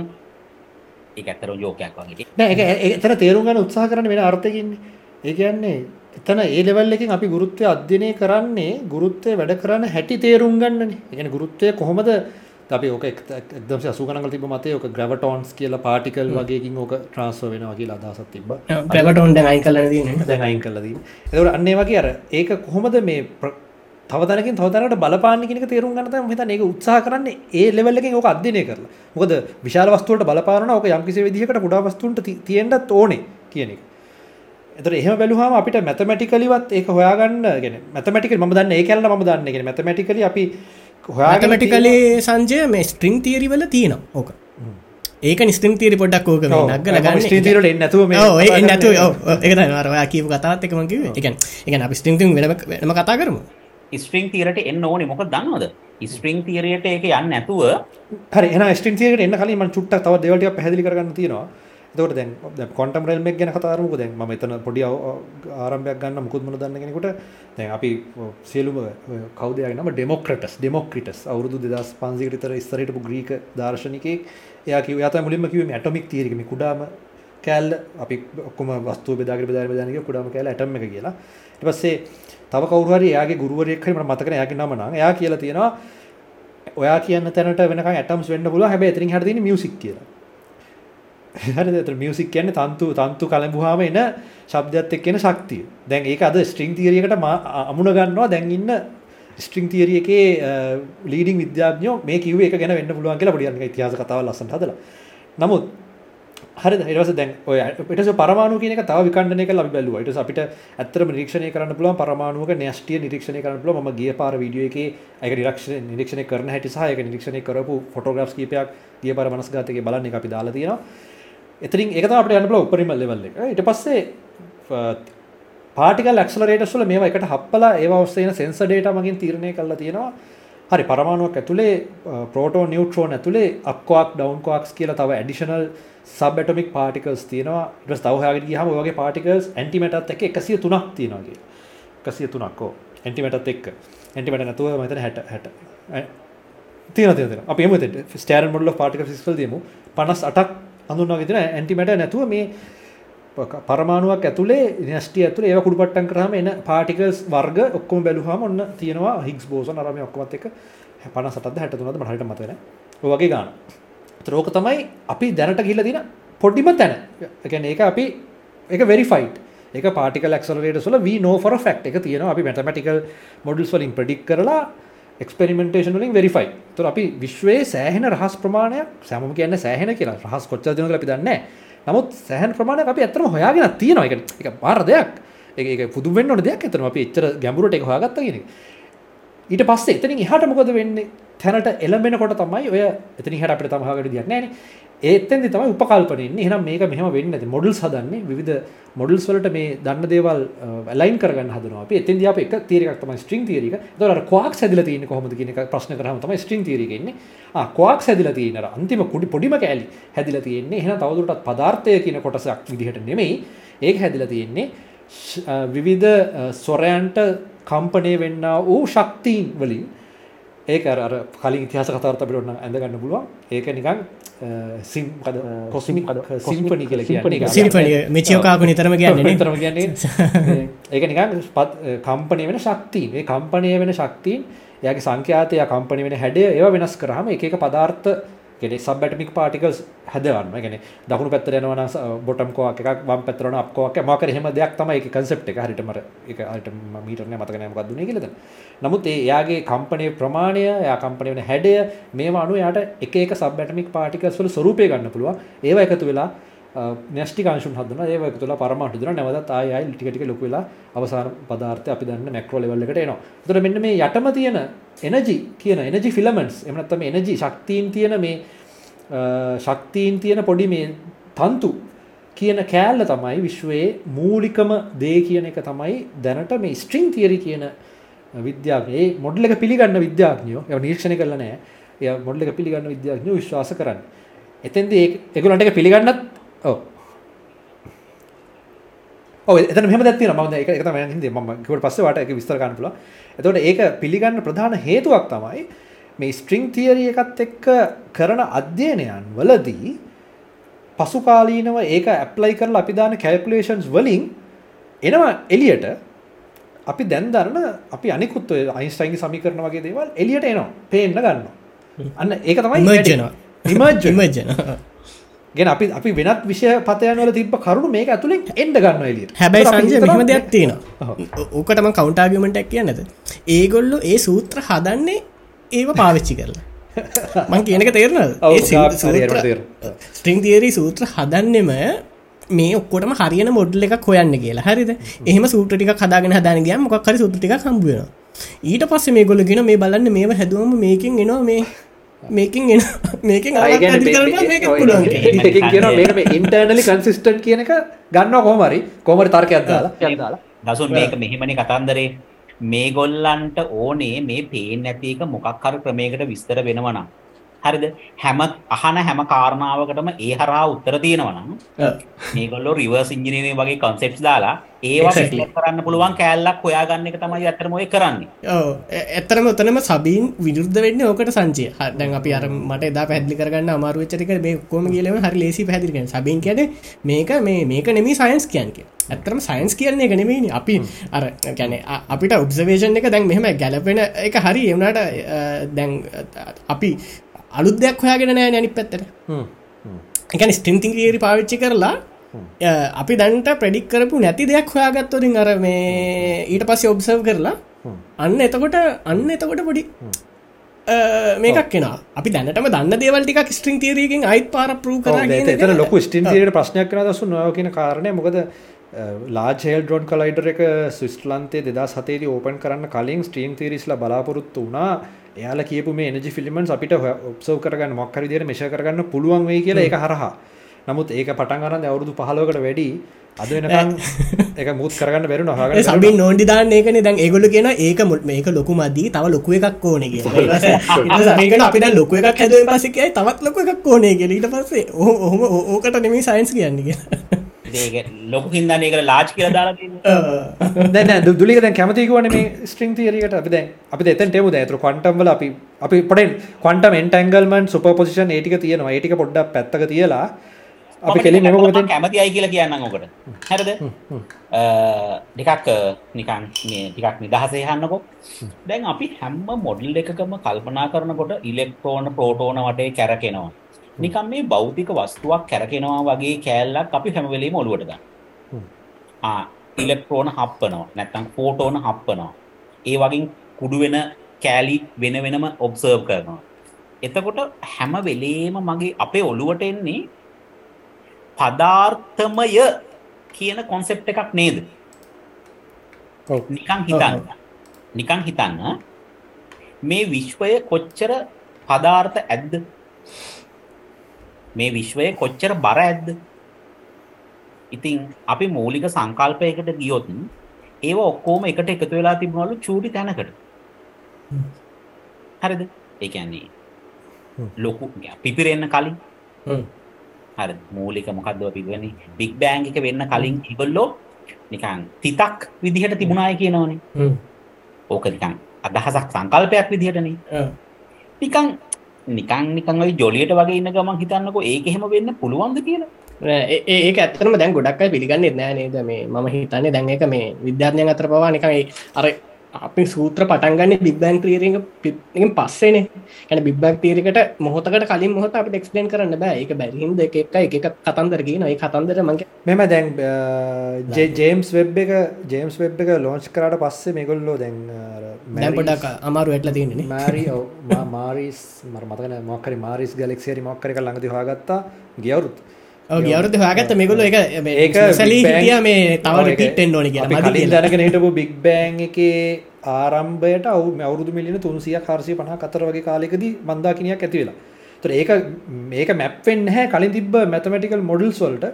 මොකද ඒවා අනුව කිසිම විදියකින් බික් බෑන් කිවර වෙලා මේ වගේ ගැලක්සිය එක කවුරුදු මිලින තුන්සියකින් හර්සි පනාකින් මතුවෙන්ට හැකියාවක් නෑ ඒ අනුව දැන් ඒක අභියෝගයට ලක් කලා තියෙනවා. මේ බික් බෑන් එක කොයි කාලෙද සිද්ධ වුණේ? ඒක බික් බෑන් එකක්ද නැත්නම් ලොකු ප්‍රසාරණයක්ද? ඒක සම්බන්ධයෙන් ස්වභාවය පිළිබඳ නැවත කතිකාවක් ඇතිලා තියෙනවා. හැබැයි මම මම විශ්වාස කරනවා මේ මේ මොකක් නමුත් ලොකු වයලන්ට් ඉවෙන්ට් එකක් වුණා කියන එක විශ්වාස කරනවා. ඒක බෑන් එකක්ද නැද්ද වගේ දෙයක් නෙමෙයි. ඉවෙන්ට් එකක් වෙන්න ඇති මට තියෙන ස්ට්‍රිං තියරට මං ආදරයයි දන්නවද ඇත්තටම? ඒකේ පදාර්ථය නිර්මාණය වෙන්නේ ශක්තියකින්. ශක්තිය කියලා කියන්නේ ඇතිවීම සහ නැතිවීම. ඇතිවීම සහ නැතිවීම කියන්නේ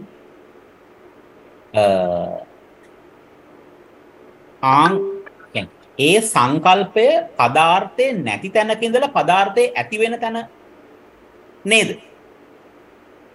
පදාර්ථය නෑ හරිද? අපිට හම්බෙන මේ අපිට අල්ලන කොටස් ඇත්තටම එහෙම එකක් නෑ මෙතන.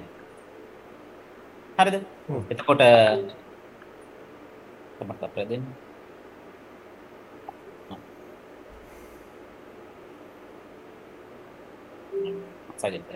එතකොට දැන් එහෙම එකක් ඇත්තටම ඇටම් ඇටමික් මොකක් හරි එකක් නෑ. පදාර්ථයක් නෑ. දැන් ඔයාලා හිතන්නකෝ මට මට හිතන දේ මම කියන්නේ.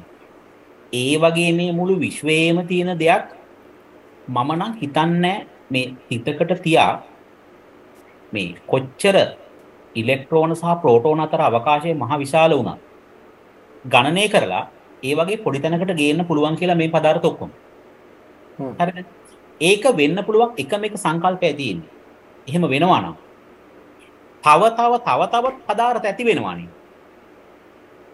තව විශ්වයේ කියන්නේ තව මොනවාද මේ දැන් බික් බෑන් එක වෙලා මොකක් හරි එක ඔය කියන ඉවෙන්ට් එක වෙලා ග්‍රහ ලෝක ඇති වුණා මන්දාකිනි ඇති වුණා. තව තව ඇති වෙනවා තව තව ඇති වෙනවා. එහෙම ඇති වෙන්න බෑනේ. මොකක් හරි නිශ්චිත පදාර්ථ ප්‍රමාණයක් විශ්වයේ තිබුණා නම්. යම් කිසි නිශ්චිත පදාර්ථ ප්‍රමාණයක් නම් තිබුණේ. ආ මෙහෙම දෙයක් තියෙනවා. එතන එතන මෙහෙම තර්කයක් තියෙනවා. දැන් ඔයාව කියන කාරණේදී දැම් පිළිගැනීමක් තියෙනවා. අපි දකින අපිට පේන අපිට ඔබ්සර්ව් කරන්න පුළුවන් පදාර්ථය විශ්වයේ ස්කන්දයෙන් සියට පහයි. හරි තු සියට විසි පහක් පමණ ඩාක් මැට ඔකට හේතුව තම ඩක් මට දැන් සංජය අයින් කරල තින්නේ. අයින් කල නෙමේ දැන් ගොඩක් චලෙන් ජලා තින්නේ. හැබැයි කොමද කොමද විස්තර කරන්න මන්දාකිනයේ ඒක බැරි. විස්තර කරන්න බැරික හරි. ඒවගේම ඒක ඒක හින්ද අපි ටාක්මට දාගත්තට දැන් ගොඩක් අයි ඩක්මට මේ කොෂ්ෂන් කරනවා. මොකද මේ ඒකර සූත්‍රය නොගලපෙන හින්ද මේ දන්නති කෑල්ලට මෙතන මුහම එකක් ඇති ඩාක් කියන එක තමයි හරි එට අතන්දි ෝක ප්‍රශ්න ප්‍රශ්න ගැන්න දැම්බ සිරපත මන්දාකිනයේ දැනට විසිබල් මැට එක එකතු කරලා ඒකත් එක්කෙන ගුරුත්ත සමිකරනවලට දාල බැලුහම මේක මේ විදි ස්ටේබල් තියෙන හේතුවක් නෑ මේක මීට වඩා තව සියට විසි පහක් ගෙන විශ්වගෙන මේක මීටඩා අපි අපි දීන පදාර්තර ඇති විශාල පදාර්ථ මන තියෙන මේක ස්ටේබල් තිය එත ඒ එක නොදන්න නිසාතම එක ඩාක්මට කියන නම දුන්නේ. එතවට ඊට පස්සේ තව එකක් කියන දැන් තුර විශ්වය ප්‍රසාරණය වීමට හේතු ඩාක් එනජි කියලත් කතා කරන තුර ඒකත් විශ්වය යම්කිසි ප්‍රමාණයක් බැලුවොත් ඒකත් අපි නොදන්න අති විශාල ප්‍රමාණයක පැතරලා තිනවා කියලා කියනවා. එතට එතෙන්ද නේද තර්ක එන්න? දැන් එහෙම බැලුවොත් ඔය කියන දුලික කියන ඔය ප්‍රශ් පදාර්ථ මදි බවක් නෑකිරත මට කියන්න. තියෙන්ට පුළුව ඕන තර ඇති මගේ අදහසන සංජ මේ මේ පදාර්ථය ඉමර්ජීමේ හැකියාවත්තිනවා කියලා. ෆ්‍රම් නතින්නස් මතය ඔන්නෝක තමයි. මේක මේ පුද්ගලික මතයක් හොඳ. කට හඟින කටේ තලම මේ නෑ මගන්න ඒ ඕකට ගැන ෆ්‍රම් නතින්නස් කියන්න මේ එනජිකක්වත් නැතුව නිකම් හට මෙහමයි. ෆ්‍රම් නතින්නස් හැදෙනවා ටූ පාටිකල මැට ඇන්ටිමට දෙකම හැදන කිලි සන්තිලයික් දැට් මේ ගැන මේ මොකක් හරි ඉමර්ජනවා ඉමර්ජෙන්නේ ඔපසිට් දෙක කොමද ඇන්ටිමට අඩු වෙලා මැට වැඩ වැඩන ම එක්සාම්පල්ලෙක ඇන්ටිමට ගත් මගේ උදාහකට ගත්තේ. නත් දැන් මැට ඇන්ටිමට එකතු කරාම නත් මුකුත් නෑවගේ එනජ පියෝ එනජිරෙන්නේ එහෙම නෙම ඉතන්නකො ධනයකයි රින එකයි කියලා එතුකර බින්දුවන ඉතින් බින්දුව බින්දුවෙන් එක හැදෙන් කොහොඳ කියලා හොති මට ගැනපුල මයිකුයි රිනෙකුයි හදන රින එක එකයි ඇතර ගන්න එකතුවෙන් නැති තැන විතරම් ඇතට ම මේ කන්සෙප් එකක් ඇබ්සක් විදිර කියන්නන්නේ මගේ ඔලුව තියනක මට ඉට වඩ වෙන ක්‍රමයන්න එක කියන්න. කැන් ෆ්‍රම් නතින්නස් ඒ විදිට ඉමර්ජවීමේ හැකියාවත් තියෙනවා ඇති කියලා මම හිතනවා. මොකක් කරන තන් මේ විශ්වය මෙච්චර ලොකු වෙන්න විදිහක් නෑ තරකානුකූලව. හරිද? එහෙම වෙන්න විදිහක් නෑ. එහෙම වෙන්න නම් අපි මැට ඇතිවෙන් ඕන. එකන මැට කියලා කියන ගත්තු තැන් අපි මේ මේ මොකක්හරි මේ ගත්ත කියන මේ කෑල්ල මේ මේ පි තියෙන මොකක්කර එකක් තියෙනවා කියන්නකෝ. ඉතින් මේකේ මේක මුකුත් නෑ මුකුත් නෑ කියන්නේ. මේක තියෙන්නේ ඇතිවීම සහ නැතිවීම නිසා හටගන්නා හටගත්ත ශක්ති ප්‍රබේදයන් ටිකක් එකට එකතු වෙලා අපිට මෙහෙම දැනෙනවා. හරිද? ඒක ඒක ස්ට්‍රිම් තිරයට ගැලපෙනවා. හරි ඔව් ඔන්න ඕක වුණොත් විතරයි පදාර්ථය තව තව හටගන්න පුළුවන් වෙන්නේ. එතකොට ඒ පදාර්ථය හටගන්නේ අර මේ දසුන් කිව්වගේ from nothing. ඉතින් from nothing කො දැන් කොහොමද කියලා කිව්වොත් අපිට දිනු. පොඩගෙන ඔය පදාර්ථය හටගන්නකොට මට දැනෙනවා ගැටලු කීපයක් දැන් දැන් විශ්වය ෆයිනයිට් amount of පදාර්ථ වලින් පට ඔයා කියන්නේ දැනුත් පදාර්ථය තියෙනවා කියලා. මේ මොහොතේ තියෙනවා කියලා. ඕ ඒක මම හිතන්න සංච දැනුත් වෙනවා ඇති. ඒක ඉතා සුල්ලු නොගෙන හැකි මට්ටමකින්. හැබැයි බික් බෑන් තියරක ගැ බික් බෑන් කාල. බික් බෑන් එක ගුණාගලා පිනික විහිලුවට හිතමක. මගන ඇත ගුණදන තික පැත්තක තිල ගුණාග හිතමක. ඒ වුණ වෙලා වෙදි මොකක් හර හේතුවකින්ද ඒක මේ චේන් රියක්ෂණයක් වගේ ලොකුවට වෙලාති නෑ මට හිතනවා ඒකම වෙන්න පුළුවන්. මොකද ස්ප්‍රිං තීරක කියන්නෙත් මොකක්ද ස්විං තීරක කියන්නේ මේ ඉතාම වේගයෙන් චලනය වෙනකොට ඒ එක ස්ලස් මේ වදි නොනේද ස්ටිං දෙකක් වැදලා කතාතින බිබෑන්න එක්ස්පලේන් කරන්න පල ස්ටින් තීරීම ඔවු අන්නහරි ඉතින් එතකොට එහෙනම් මේ මුළු විශ්වයම කිසිම දෙයක් නෑ අපි මේ දකින දේවල් ඉලූෂන්ස් මේවා. හරිද? ගැන ඇහැට මායාවක් නෙමෙයි. හැබැයි මේකේ ඇත්තටම මෙහෙම දෙයක් නෑ මෙතන මෙතන තියෙන්නේ ඇති නැතිවීමක්.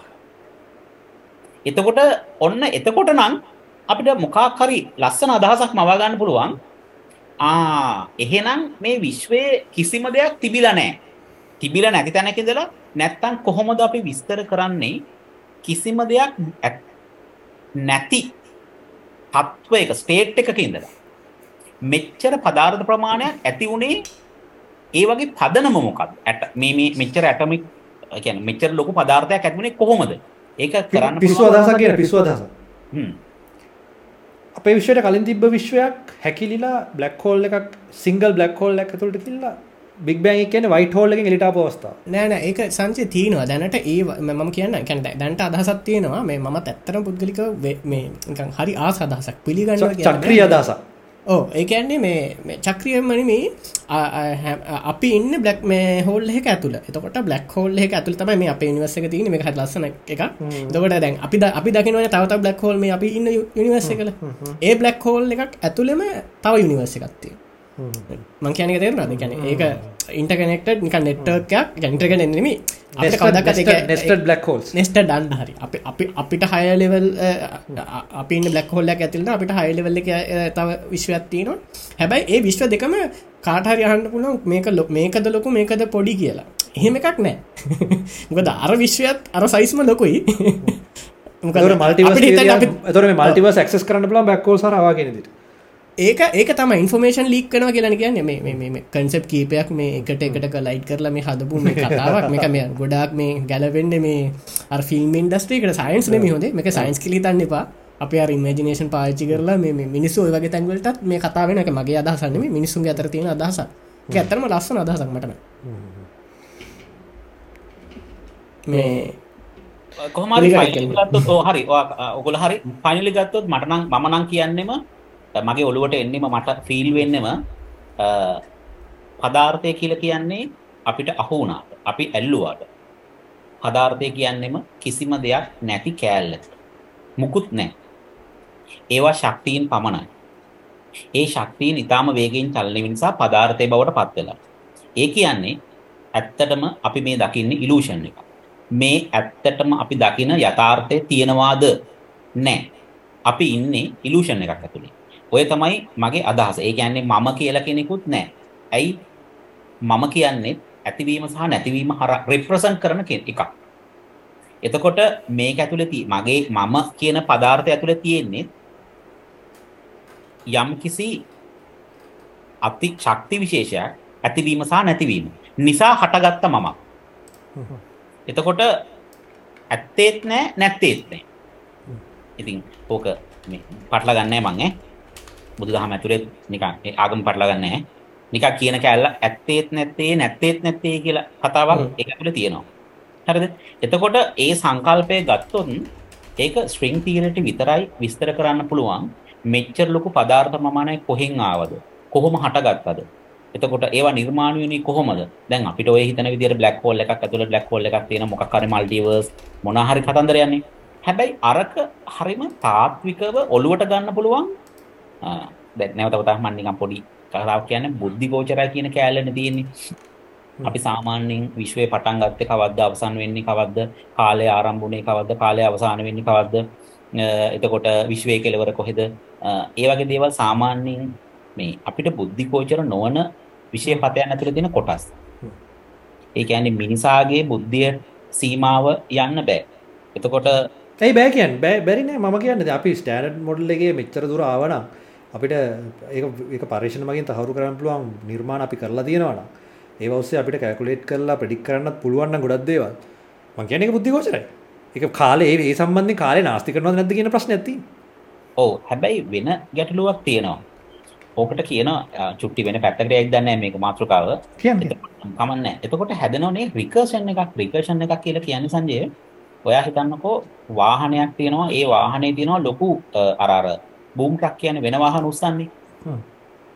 ඇත්තනම මේ මේ අර ඔතන සරලකිව ත්‍රිකේෂන් කියන්නේ මේ සෙල්ෆ් රිෆරින් එකන තම එකන අවට කාලය සම සෙල් ෆිල්ෆරින් කට්ට හිතාගන්න පුළුවන් කාලය මේ කියන්න මොකදල පැදිලි කරන ගතින් කට ඒ පැදිලි කරන වචන ඇතුළට කාලි කාලය දානමට වෙලා ඒ වගේ. හරිද? එතකොට දැන් ඇත්තටම අපි අපි අපි කාගේ නිර්මාණයක්ද? අපි ඉන්නේ යුනිවර්ස් එක ඇතුලේ. අපි ඉන්නේ ස්වභාවික ඇතුලේ. දැන් අපි try කරනවා අපිව නිර්මාණය වුණ අපේ ඊළඟ අප ස්ටෙප් එක තේරුම් ගන්න ඒ නිර්මාණකරුවා විසින් නිර්මාණය කරපු අපි එයා ඊට වඩා ලොකු එකක් විස්තර කරන්න මෙකැනිසම් එකක්. ඔලුවට ගන්න හදනවා. මට හිතනවා ඒක එහෙම කරන්න බැරුව ඇති කියලා.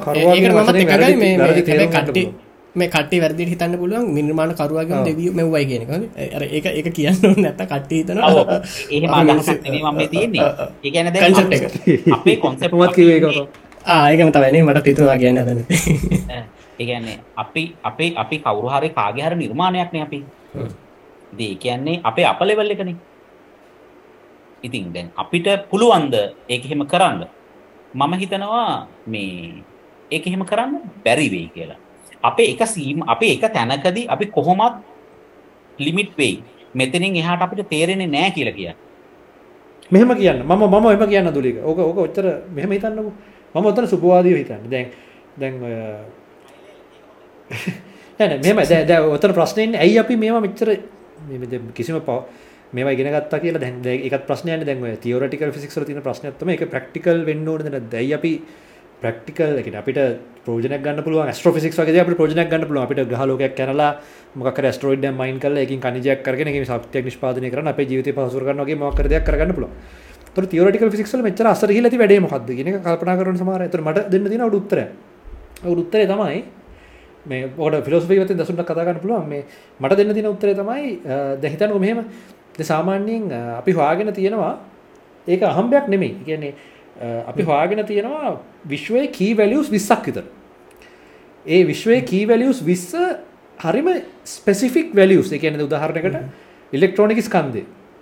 ඊට පස්සේ සබ් ඇටොමික් පාටිකල්ස් ඔය මුවාන් ටව් මාසස් වගේ ඒ කියන්නේ ඉලෙක්ට්‍රෝන වලම තව වෙනත් මේ වර්ෂන්ස් දෙකක්. ඒවයි තියෙන මේ ස්කන්ධය ස්ථිති ඒ කියන්නේ ඒවා කොන්ස්ටන්ට්ස්.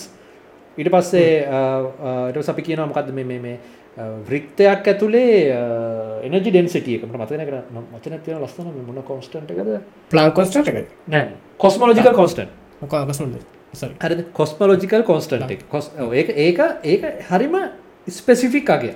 උතර වගෙන ප්ලාන්ක් එක. ඒ වගේ ප්ලාන් එක. ඒකට.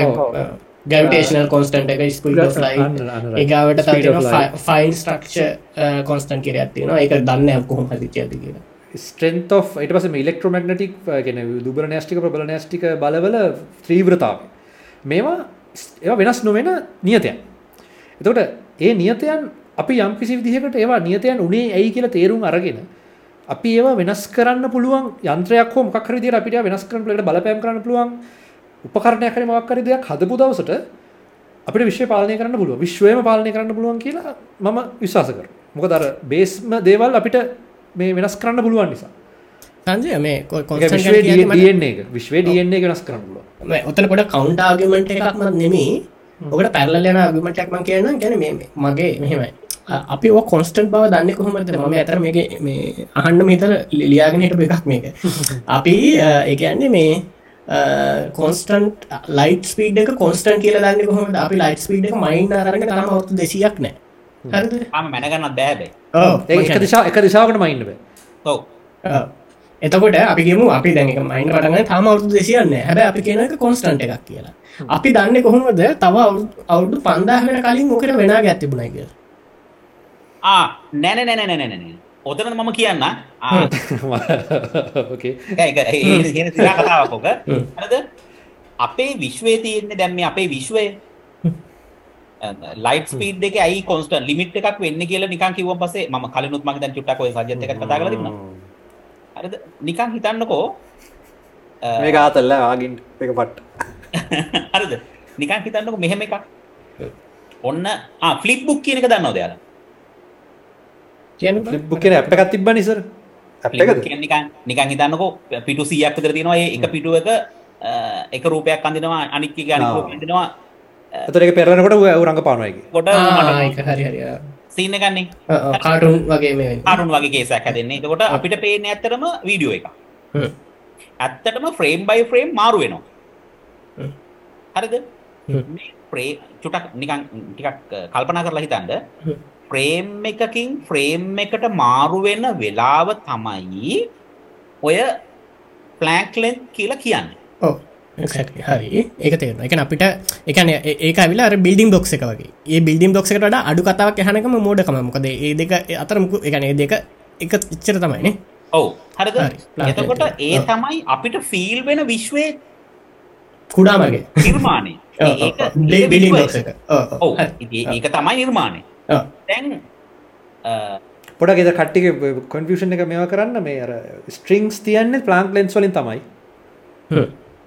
ඒක එහම පිළිගන්න එම එමකත් එම ප්ලාන්ක් ලෙන්ස් වලින් තමයි ස්ට්‍රිංස් මනින් සංජ අපි ප්ලාක් ලෙන්ත එක ගැන කියබුණේ අකන අපිට මීනිං ෆුලි මයින්න පුළුවන් අඩුම වෙනස්වීම තමයි විශ්වය ප්ලාන්ක් ලෙන්ත එක ගැන මීනිම් ෆුලි එකන අපිට ගැන මැතමටිකෙලි පුළුවන් මේ අනන්තගාන බෙදන්න. එවනට අපි මීනිම් ෆුලි දෙයක් මැනගෙන මැනගෙනකොට ඊට වඩා එකන ඒ අගයක් අතර ගානකට බෙදුවගෙනක තේරුමන්න එතකොට අර වෘතයක් ගත්තොතින් ඉන් කන්සෙප්ෂුවලි වෘතය වෘතයක් කියන එක මේ අපිට බෙදල බෙදල බෙදල බෙදල එහෙම වෙන් කරන්න බැහැ හැබැයි අපි ඇන්දොතින් වෘතයක් පරමාණුවලින් හරි අන්තිමට යන්න ප්ලාංක් ලෙන්තකට වඩා. එක ප්ලාංක් ලෙන්ත වලින් තමයි රවම ඇදන්න අපිට ඔලු හැදිල තියෙන සදාවක්‍රකාර ෘතය පරිදිය පරිදිය යන්න පුළුව අවමගේ ප්ලාංක් ලෙන්ත හෙමත කියන්න?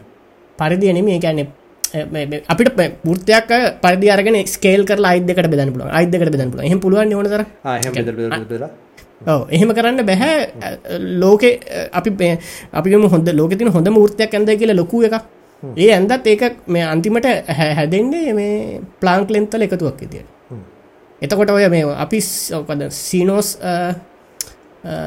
පැරඩොක් එහම එක දේවල් තියෙන අපි සංජය ම එක හිතන්ගට අපි වෙනම දවසක කතා කරම ඒවා. ඒවා ඕවයින් ප්ලාංක් මේ ලෙන්තකින් මේ ඩිබං කරන්න පුල සමහරකලට පැරඩොක්ස්ගේ පේන දේවල්.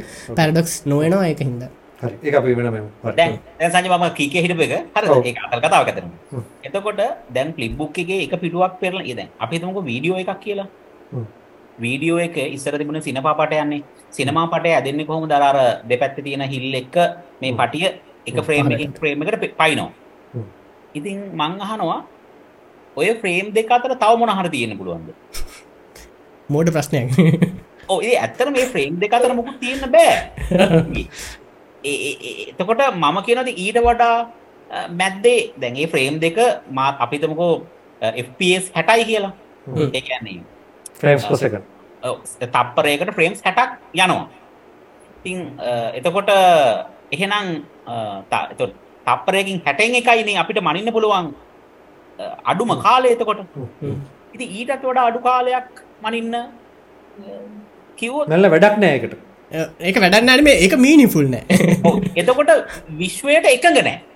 අපි විශ්වය තුළ ඉන්න ඒ විශ්වය හැදිල තියන්නේ ඒ විදිහට. ඒ අපයන් වලින් එතකොට ඒක විශ්වයට ඔන්න ඔය වගේ එකක එක හරිට මම ගේමින් කරන කට්ටිට පැහදිලිවෙන්න කියන්නම් දැන් ගේමිං වල සාමාන්‍යයෙන් අපේ ඇහැට ගේම එකක් ස්මූදනවා කියන 60 FPS වලින් එහා පැත්තේ අපිට ස්මූත්නස් අයිඩෙන්ටිෆයි කරන්න බෑ හැට එකන 60 FPS වගේ එකක් ගහන අපි දහම 24 FPS VGS වල තියෙන performance අඩු වෙලා ගේම එක කැඩි කැඩි යනවා කියලා අපි කියන්නේ ඔය 24 FPS වගේ අපිට පොඩි අර කැඩෙන ගතියක් එනවා. ඒතකොට අපිට ගේම එකකට ප්ලේ කරගන්න බෑ.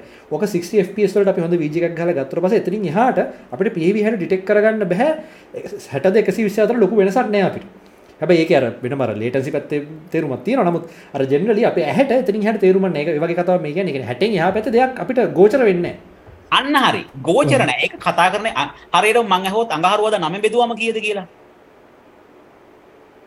වගේ අදහස ඉතින් අඟහරුවද නම බෙදන්න බෑක තීරුම ඇති කතාවක් නෙමෙයි. ඉතින් මේ විශ්වයේ අගයන් වලට විශ්වය නිර්මාණය වෙලා තියෙන අගයන් එක තමයි ඔය කතා කරන්නේ. හැබැයි ඔයිට වඩා වෙනස් විශ්වයන් වෙන අගයන් වලින් නිර්මාණය වෙච්ච අවස්ථා ඕනෑ තරම් තිබිය හැකි ඒක ඒක හරි. දැන් ඔය ඕකෙම මගේ ප්‍රශ්නය අයිත් ඉවලබරේට් කරනද මං අහන්නේ ඔය ප්ලාංක් අපි ඔය මීනිෆුල් කියලා මයින ප්ලාංක් ලෙන්ත එක තියෙනවානේ. ඒක එන්න එන්න චුට්ට චුට්ට ප්‍රසාරණය වුණාද දන්නෑන ආ ඔයා කියන්නේ ඒක මේ අද ඔයා කියන මෙ නම් ෆන්ඩමෙන්ට දැන් අවුරුදු පන්දාහකදී ඒක ඒක වෙන්න පුළුවන් මේ ෆන්ඩමෙන්ටල් නම්බර්ස්ටික මන්ද කියපුවා වෙනස් වුනා කියලා කාලා මට දැන් දැන්තම අතරම ඕ ඒක වෙන්න පුළුවන් විල් නෙව නෝවගේ සින්න යන්න අපි ඇත්තන මෙහනම් ලෝන් ඉනක් මෙෂ කරන්න වෙනතුව ඉතින් ඔයා කියන තර්කේ ඇත්තරම එක වෙන්න පුළුවන් කාරණාවක්. හැමදාමත් ආලෝකය වේගේ වෙනස් වෙනවා වෙන්න පුළුවන්. පුළුව ඒ ඇත්තරම ඕක කන්ස්පිරිසි තියරත් තියෙන ම එක තට ගෙන චර කැමති හැ ගැන මේ වැඩිය බරපතල්ට තන්ටප කටියගේ කවි කන්ස්පිරිසිත් තියන ආලෝක වේගේ ඇත්තරම් වෙනසලා තින කාලානුරු දැන් මයිනකොට එකන ඕකට විද්‍යාඥයන් දෙන උත්තරය තමයි මේ ඒ දවසල අපේ මිෂමට එච්ච රවල් දැන්තම හොඳ මිෂමට තින දැන්තම හරිට පුුවන් කියලා. පණහකින් මැන්නොත් වෙනසක්තිය දවාගේ ඒ- ඒකන ඒක කන්ස්පරසි තීරකත් තියෙනවා නෑ. ගොල්ල ඉස්සරි දම්ම හරියට මැන්න. ඒක පොඩ්ඩ පොඩ වෙනස්සුනයි නෑ වෙන්න පුළුවන් කෑල්ලක්. ඉතින් ඇත්තටම කියනවා නම් විශ්වයේ අගයන් එහෙම වෙනස් විය හැකි ම්, ඔය ඒක වෙන්න පුළුවන් කෑල්ලක්. ඉතින් එහෙම වෙන්න බැරිකම බෑ බෑ කියලා දේවල් නෑනේ හ්ම්. ඒක වෙන්න පුළුවන් හැබැයි මෙහම තර තොර තර්කයනවා එනම් කොම සමිකරන දැන් අයින්ස්ටයින් සමිකරන වලින් හරි උත්තර හම්බෙන්නේ කියලා වගේ එකක් එනවා නේද? වෙනස් වෙනස් වෙනවා නම් ඕක. එතකොට එහෙනම් තාම ඒ උත්තරවලට බලපාන තරම් වෙනස් වීමක් වෙලා නැහැ. එහෙම අන්න ඒ වගේ. අදහසක් තමයි. ඉතින් දැන් ඒක ඇත්තනම කියනවා නම් GPS එහෙම එතකොට ඇත්තනම ඔය මේ මේ ටයිම් ඩයලේෂන් වල එහෙම ඉතින් දැන් ඔප්පු කරන්න දේවල් නෑනේ ආයේ. විශ්වය කලප්සෙන්න්නක් පුළුවන්. එකන එහෙම නැත්තම් වෙනස් වෙන ඇති. ඒකත් අර අපි මයින ඉන්ස්ට්‍රමට ඔක්කොමත් එක් වෙනස්සන අපිට එක තේරෙන්නතුව එක්ක මෙහෙම නැති. එක්ක වෙනස් වෙනකොට එකක් වෙනස් නොවී. ඒකට ඒක සමාන තමයි. රූපීව අනිත් ඒවාත් වෙනස් වෙන නැති. එක එක ප්ලාන්ක් ලෙන්තක වෙනස් වෙනකොට ප්ලාන්ක් ටී එකත් වෙනස් වෙන අන්තිමට මේ අනිත්‍යත් වෙනසන අන්තිමට බලගට මර ප්‍රපෝෂණ එක අපි මයින්ඩ ප්‍රපෝෂණ එක අදාල කිව්ව කිව්ව කතාව ඉවර කරන්න. කාලය අවකාශය එක්ක තමයි ඔය ප්ලෑන්ක් ලෙන්ත් එක හැදෙන්නේ. ඒ ප්ලෑන්ක් ලෙන්ත් එක කියන එක නිර්මාණය වෙන්නේ ඇත්තටම ෆ්‍රේම් එකෙන් ඊළඟ ෆ්‍රේම් එකට පයින් කාලය කියලා තමයි මගේ ඔළුව කියන්නේ. හරිද? ඒ ඊළඟ ෆ්‍රේම් එකයි මේ ෆ්‍රේම් එකයි අතර ඊට වඩා ඊට වඩා මනින්න අඩු කාලයක් නැහැ. එහෙම මැන්නොත් විශ්වයේ කොලැප්ස් වෙනවා. ඒ කියන්නේ ස්වභාව ධර්මයේ කොලැප්ස් වෙනවා. එතකොට නැවත වතාවක් අ, අපිට ඒක මේ එහෙම එහෙම වචන වලින් කතා බහ කරලා ඒක තේරුම් ගන්න පුළුවන් කැලලක් නෙමෙයි. ඉතින් ඔතනදි තමයි ඔය ස්පීඩ් ලිමිට් එක හැදෙන්නේ. ඔయిత වඩා ස්පීඩ් ලිමිට් එකක් ස්පීඩ් එකක් ගියොත් ආලෝකයේ වේගයට වඩා වැඩි වේගයක් අපි ගත්තොත් ගන්න බෑ කියලා වෙනම කැලලක් තියෙනවා ස්කන්ධය වැඩි වෙනවා. ඒ ඒවා වෙනම කියන්නේ ඇයි එහෙම යන්න බැරි කියලා ගත්තොත් එහෙම යම් ස්කන්ධයක් ආලෝකයේ වේගයට ලං වෙනකොට ඒ ලං වෙන වේගය තව තව වේගය වැඩි කරන්න තව තව ශක්තියක්. ශක්තිය ඒ ශක්තිය අන්තිමේට ඉන්ෆිනිට් වෙනවා. එතකොට ඒක එතනින් එහාට කරන්න බෑ වගේ අයිඩියා එකක් නේ තියෙන්නේ. එතකොට ඉතින් ඒත් එක්කම ආලෝකයේ වේගයට කිට්ටු වෙනකොට තව සිද්ධි වෙන සිද්ධි ගොඩාක් තියෙනවා. ඒගොල්ලන්ගේ අපිට විශ්වයේ පේන විදිය වෙනස් වෙනවා, හැඩය වෙනස් වෙනවා, දිග වෙනස් වෙනවා, කාලය මාර දේවල් වෙනවා. අපි ඉතින් එච්චර දුරට කතා කරන්නේ නැතුව අපි උපකල්පනය කරමු. ඔව් යන්න පුළුවන් ආලෝකයේ වේගයෙන්. ඔන්න ආලෝක වේගي පයින් හදනවා. ආලෝකයේ වේගයට වඩා එක අංශුවක් එක එක තත් සරි එක මොකක් හරි ප්‍රමාණයක් අපි තප්පරයක මීටර් ගාණක් පැන්නොත් ඉස්සරහට ඒ කියන්නේ අපේ විශ්වයේ මෙකැනිසම් එක බ්‍රේක් කරගත්තා මේ. එතනින් එහාට අපේ විශ්වය ඇතුලේ නෙමෙයි ඉන්නේ. එහෙනම් ඒක විශ්වයේ સિદ્ધාන්ත වලට මේ මේ තියෙන මිමි වලට එකඟ නැහැ. විශ්වයේ බ්‍රේක් වෙන්න පුළුවන්. කොලැප්ස් වෙන්න පුළුවන්. ඉතින් ඒකින්ද ඒක ස්වභාව ධර්මයට අනුකූල නැහැ. ඒකයි කියන්නේ ආලෝකයේ වේගයට වඩා මේ වේගයක් අපිට ගන්න බෑ කියලා. හැබැයි භෞතික කියන්නේ ෆිසික්ස් වලදී ඒක විස්තර කරනවා ඇත්තටම ආලෝකයේ වේගයට කිට්ටු වෙනකොට සිද්ධ වෙන සිද්ධීන් ගොඩාක් තියෙනවා. ආලෝකයේ වේගයට කිට්ටු කරන්නවත් බෑ ඉතින් ඇත්තටම. අ, ඕක එහෙම නොවන අවස්ථාවල් ගැන අපි කතා කරනවා. විශ්වයේ ප්‍රසාර වෙනවා ආලෝකයට වඩා වැඩි වේගකින්. හරිද? හැබැයි තියරී විදිහට කියන්නේ තොරතුරු හුමාරු කරගන්න බෑ කියලා. කොන්ට ෆිසික්ස් වල අපිට ආයතනවා කැලලක් කොහොමද එහෙනම් ක්වොන්ටම් එන්ටැන්ගල්මන්ට් කියන එක හැදෙන්නේ කියන එක තොරතුරු හුමාරු කරගන්න බෑ. ආලෝකයේ වේගයට වඩා වැඩි වේගයකින් තොරතුරු හුමාරු කරගන්න බෑ. හැබැයි විශ්වයේ ප්‍රසාරණය වෙන ආලෝකයට වඩා වැඩි වේගයකින්. සමහරක් වෙලාවට අපිට ආලෝ අවකාශයේ වෝප් ඩ්‍රයිව් කියලා කියන්නේ. වෝප් ඩ්‍රයිව් කියලා කියන්නේ අර අවකාශය අපි ප්‍රසාරණය කරනවා ආලෝකයකට වැඩික්මන අපි ඉන්න එක ඇතුළේ ඔව් එතකොට අපිට එක විශ්වයක ඉඳලා සෝරි එක මන්දාකනේ ඉඳලා තව මන්දාකනේට ඇත්තටම කියනවා නම් ආලෝකයේ වේගයට වගේ සිය ගුණයක වේගයකින්. යන්න පුළුවන්. දැන් ඒකත් ඒ කියන්නේ mathematically proven. හ්ම්. ඒක ඇත්තටම කරන්න පුළුවන්ද කියන එක තාම කවුරුත් කියලා නැහැ. ඒක දැන් මේ හැබැයි මං හිතන්නේ මේ අර බැහැ කියලා කියනවා මොකද ඒක හේතුවක් බැහැ කියන්නේ. ඒක තියරිටිකලි පුළුවන් වුණාට මේ කියන්නේ ඒ එනර්ජි එක හින්දා වෙන ඩිස්ට්‍රප්ට් එක සෑහෙන වැඩි කියලා කියන්නේ. ඒක හින්දා එක කැනෙ එහෙම ගුණාට බෑග වගේ කතා. සංජය අත අතිශය. අයකෙන ඒ වගේ අවකාශය නමන්න මතන බ්ලක්කෝල් එකටත් වල ලොකු එනජි එකක් අවශ්‍ය ඒ වගේ මොක්කර හෙම හෙම දෙයක් එතන ශක්තියක් නිෂ්පාදනය ඔතකට ෆිසික් ඇස්ව අන්ඩස්ටන් කියන අන්ඩස්ටුට් කියන විදිර තම ගන්න අපි දන්න ෆිසික් වලින් ටිය ඕ ඉතින් එතකොට අර ඕබ්‍රයි් ඕවතින් කන්සෙප්න ඇතරම අපි තේරුම් ගන්න කන්සෙප් එකක්න අවෝබ්‍රයි් ආමේමික ආතර මෙහම කරන්න පුළුවන්. ඉති ඕව කවදාහර දවසක මොනාහර ක්‍රමවේදියල්ලට සිද්ධ කරද නැති දන්න ඉතින් එනි කොහොම වුණත් ඇතරම මේ ඔය ආලෝක වේගේ සම්බන්ධයෙන් තියෙනනම් මමත් ඒ මතේ ඉන්නවා මමත් ඒක හිතනවා මම හිතනවා මේ වැලිව්ස් වලින් අපි අපි දකින විශ්වයේ වැලිව්ස් අපි දකින මාන තුන. එතකොට මාන කියලා කියන්නේ දිග පල්ල උස සහ කාලය කියන ඒවා. මේවා නිර්මාණය වෙලා තියෙන විදිහත් එක්ක මේක නිකන් වීඩියෝ එකක් වගේ ගලාගෙන යන කොටසක්. විශ්වයේ අවකාශය කියන කොටසයි කාලය කියන එක එකතු වුණාම වීඩියෝ එකක් වෙනවා. ඉතින් කාලය කියන එක අයින් කරපුවාම විශ්වය කියන්නේ ෆොටෝ එකක් ස්ටිල් ෆොටෝ එක. ඒකට ජීවයක් දෙන්න නම් කාලය ගලාගෙන යනවා. එතකොට මේ කාලය කියන එක ඇත්තටම අවකාශයත් එක්ක කතා නොකර බැරි රාශියක්. ඒක ඒක තනියෙන් අවකාශය ගැන කවදාවත් කතා කරන්න බෑ. ඔන්න ඔතනදි හැදෙන වැලියුස් තමයි ඔය ෆ්ලෑන්ක් ලෙන්ත් එක අවකාශ මේ කාලේ සොරි ආලෝකයේ වේගයේ මෙච්චරයි සීමාව ඔන්න ඔය දේවල් හැදෙන්නේ. ඉතින් එක දවසකදී එක තැනකදී ඕවා දිගින් දිගටම කතා කරනකොට ෆීල් වෙනවා ආ මේ කියන්නේ මෙහෙම කෑල්ලක් කියලා. ඒක එක දවසකදී ෆීල් වුණත් එයාට තේරෙයි අයින්ස්ටයින්ට ඔය තේරුණා වගේ. එයා ඉතින් අපි දැන් එයා කියපු දේනේ අපි මේ තේරුම් ගන්න හදන්නේ. හැබැයි එයා කල්පනා කරලා කල්පනා කරලා තේරුණ කොටස් අ කොච්චර අමාරුද කියලා මට නම් තේරෙනවා. ඒක අපි අවුරුදු ගාණක් කල්පනා කරලත් සමහරක් වෙලාවට ආ මේක තමයි මේ තේරෙන්නේ කියලා අපිට මාර කාලයක් ගියා ඒක තේරුම් ගන්න. තේරුම් ගන්නත් නෙමෙයි ඇත්තටම. මොකද සංජයකට කියන්නේ එන්ටයි දැනෙනවා කියලාද? එන්ලයිට්මන්ට්. ඒ වගේ අදහසක් නේ තියෙන්නේ.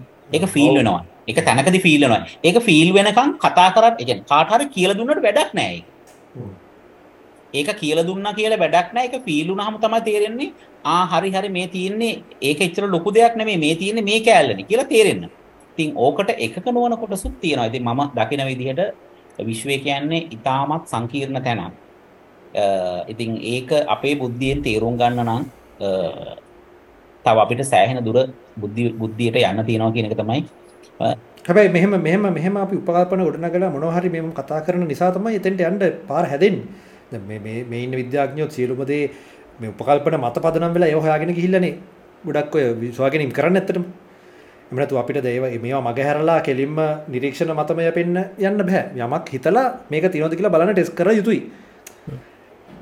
සංජය මට මේ පොඩ්ඩක් මේ මතක් වෙච්ච ඕෆ් ටොපික් හැබැයි මේකට ගොඩක් වැදගත් කතාවක් කියන්න එකන්නේ මේක මම මනාද දැක්කේ මං හිතන්නේ දෙදස් හත්තර විතර වෙන්න ඕනේ. හරිද? රූපවාහිනී වැඩසටහනක් ගිය. සෑන කාලෙක හලි ගන්නවා කිය ඔව මේ මං එතකොට එල්වල් ගන්න කාලේ. මේ එතකොට මේ එතකොට තම මම ඔය මේ රිලට මසමකද ජනරලටිවිට ගැනහෙම පොත්තිකක් කියවන පටන් ගත්ත. ඒලොල් කරන කාලේ මේ ලයිබ්‍රකින් හෙම පොත්තරගෙන එතකොට මට දලා අවබෝධයක් තිබුණා. සම් ලොකු අවබෝධයක් තිබුණේ හැබැයි ඔය මේ ඒදවස්සල ටීව එක යනවා. ඔය ඉරිද උදේට යන වැඩසරන්ටිකත් තින නිර්දනම සති හමදසකම තින මතකන මොක සති දවසක හරි ඉරිද දවසකර ගියා.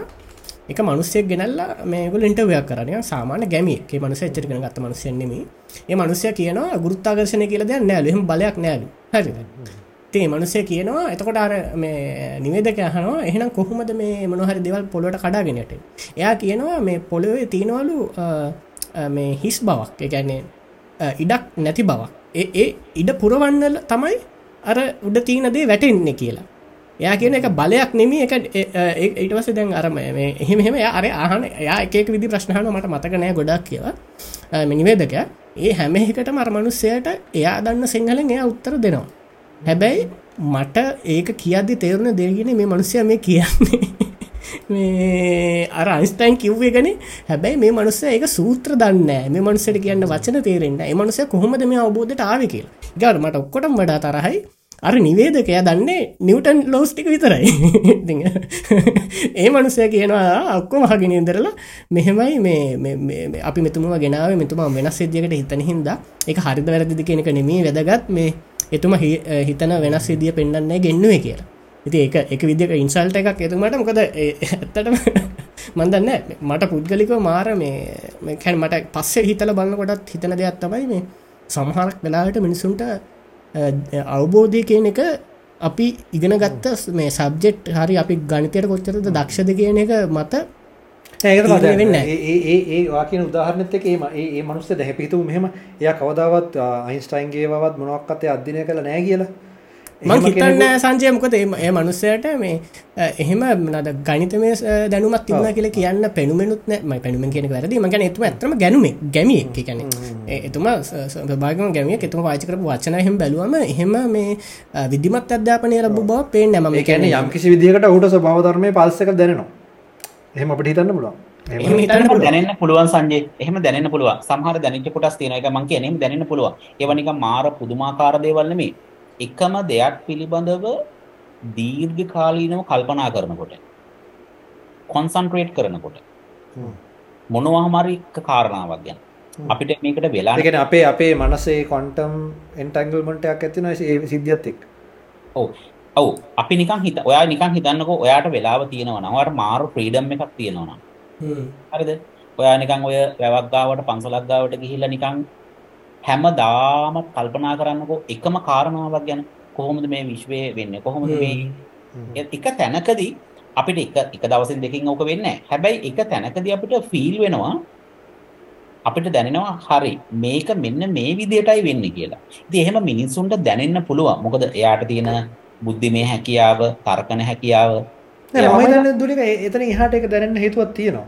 ඇයි මේ විශ්ව හැදලා තියෙන්නේ සියලුම අපි දන්න දැන් අපි ක්වොන්ටම් ෆිසික්ස් නේ කතා කරන්නේ ක්වොන්ටම් මෙකැනික්ස් නේ කතා කරන්නේ. ඉතින් විශ්ව හැදලා තියෙන්නේ ක්වොන්ටම් මෙකැනික්ස් වලින් අපි හැදලා තියෙන්නේ ක්වොන්ටම් මෙකැනික්ස් වලින්. අපිට මේ අපිට හදාගන්න බෑ. අපිට රෙසොනේට් වෙන්න විතරයි තියෙන්නේ විශ්ව. ඔව් රෙසොනේට් වෙන්න විතරයි තියෙන්නේ. අපිට පාලම හදාගන්න විතර ප්‍රශ්නයක් තියෙන්නේ.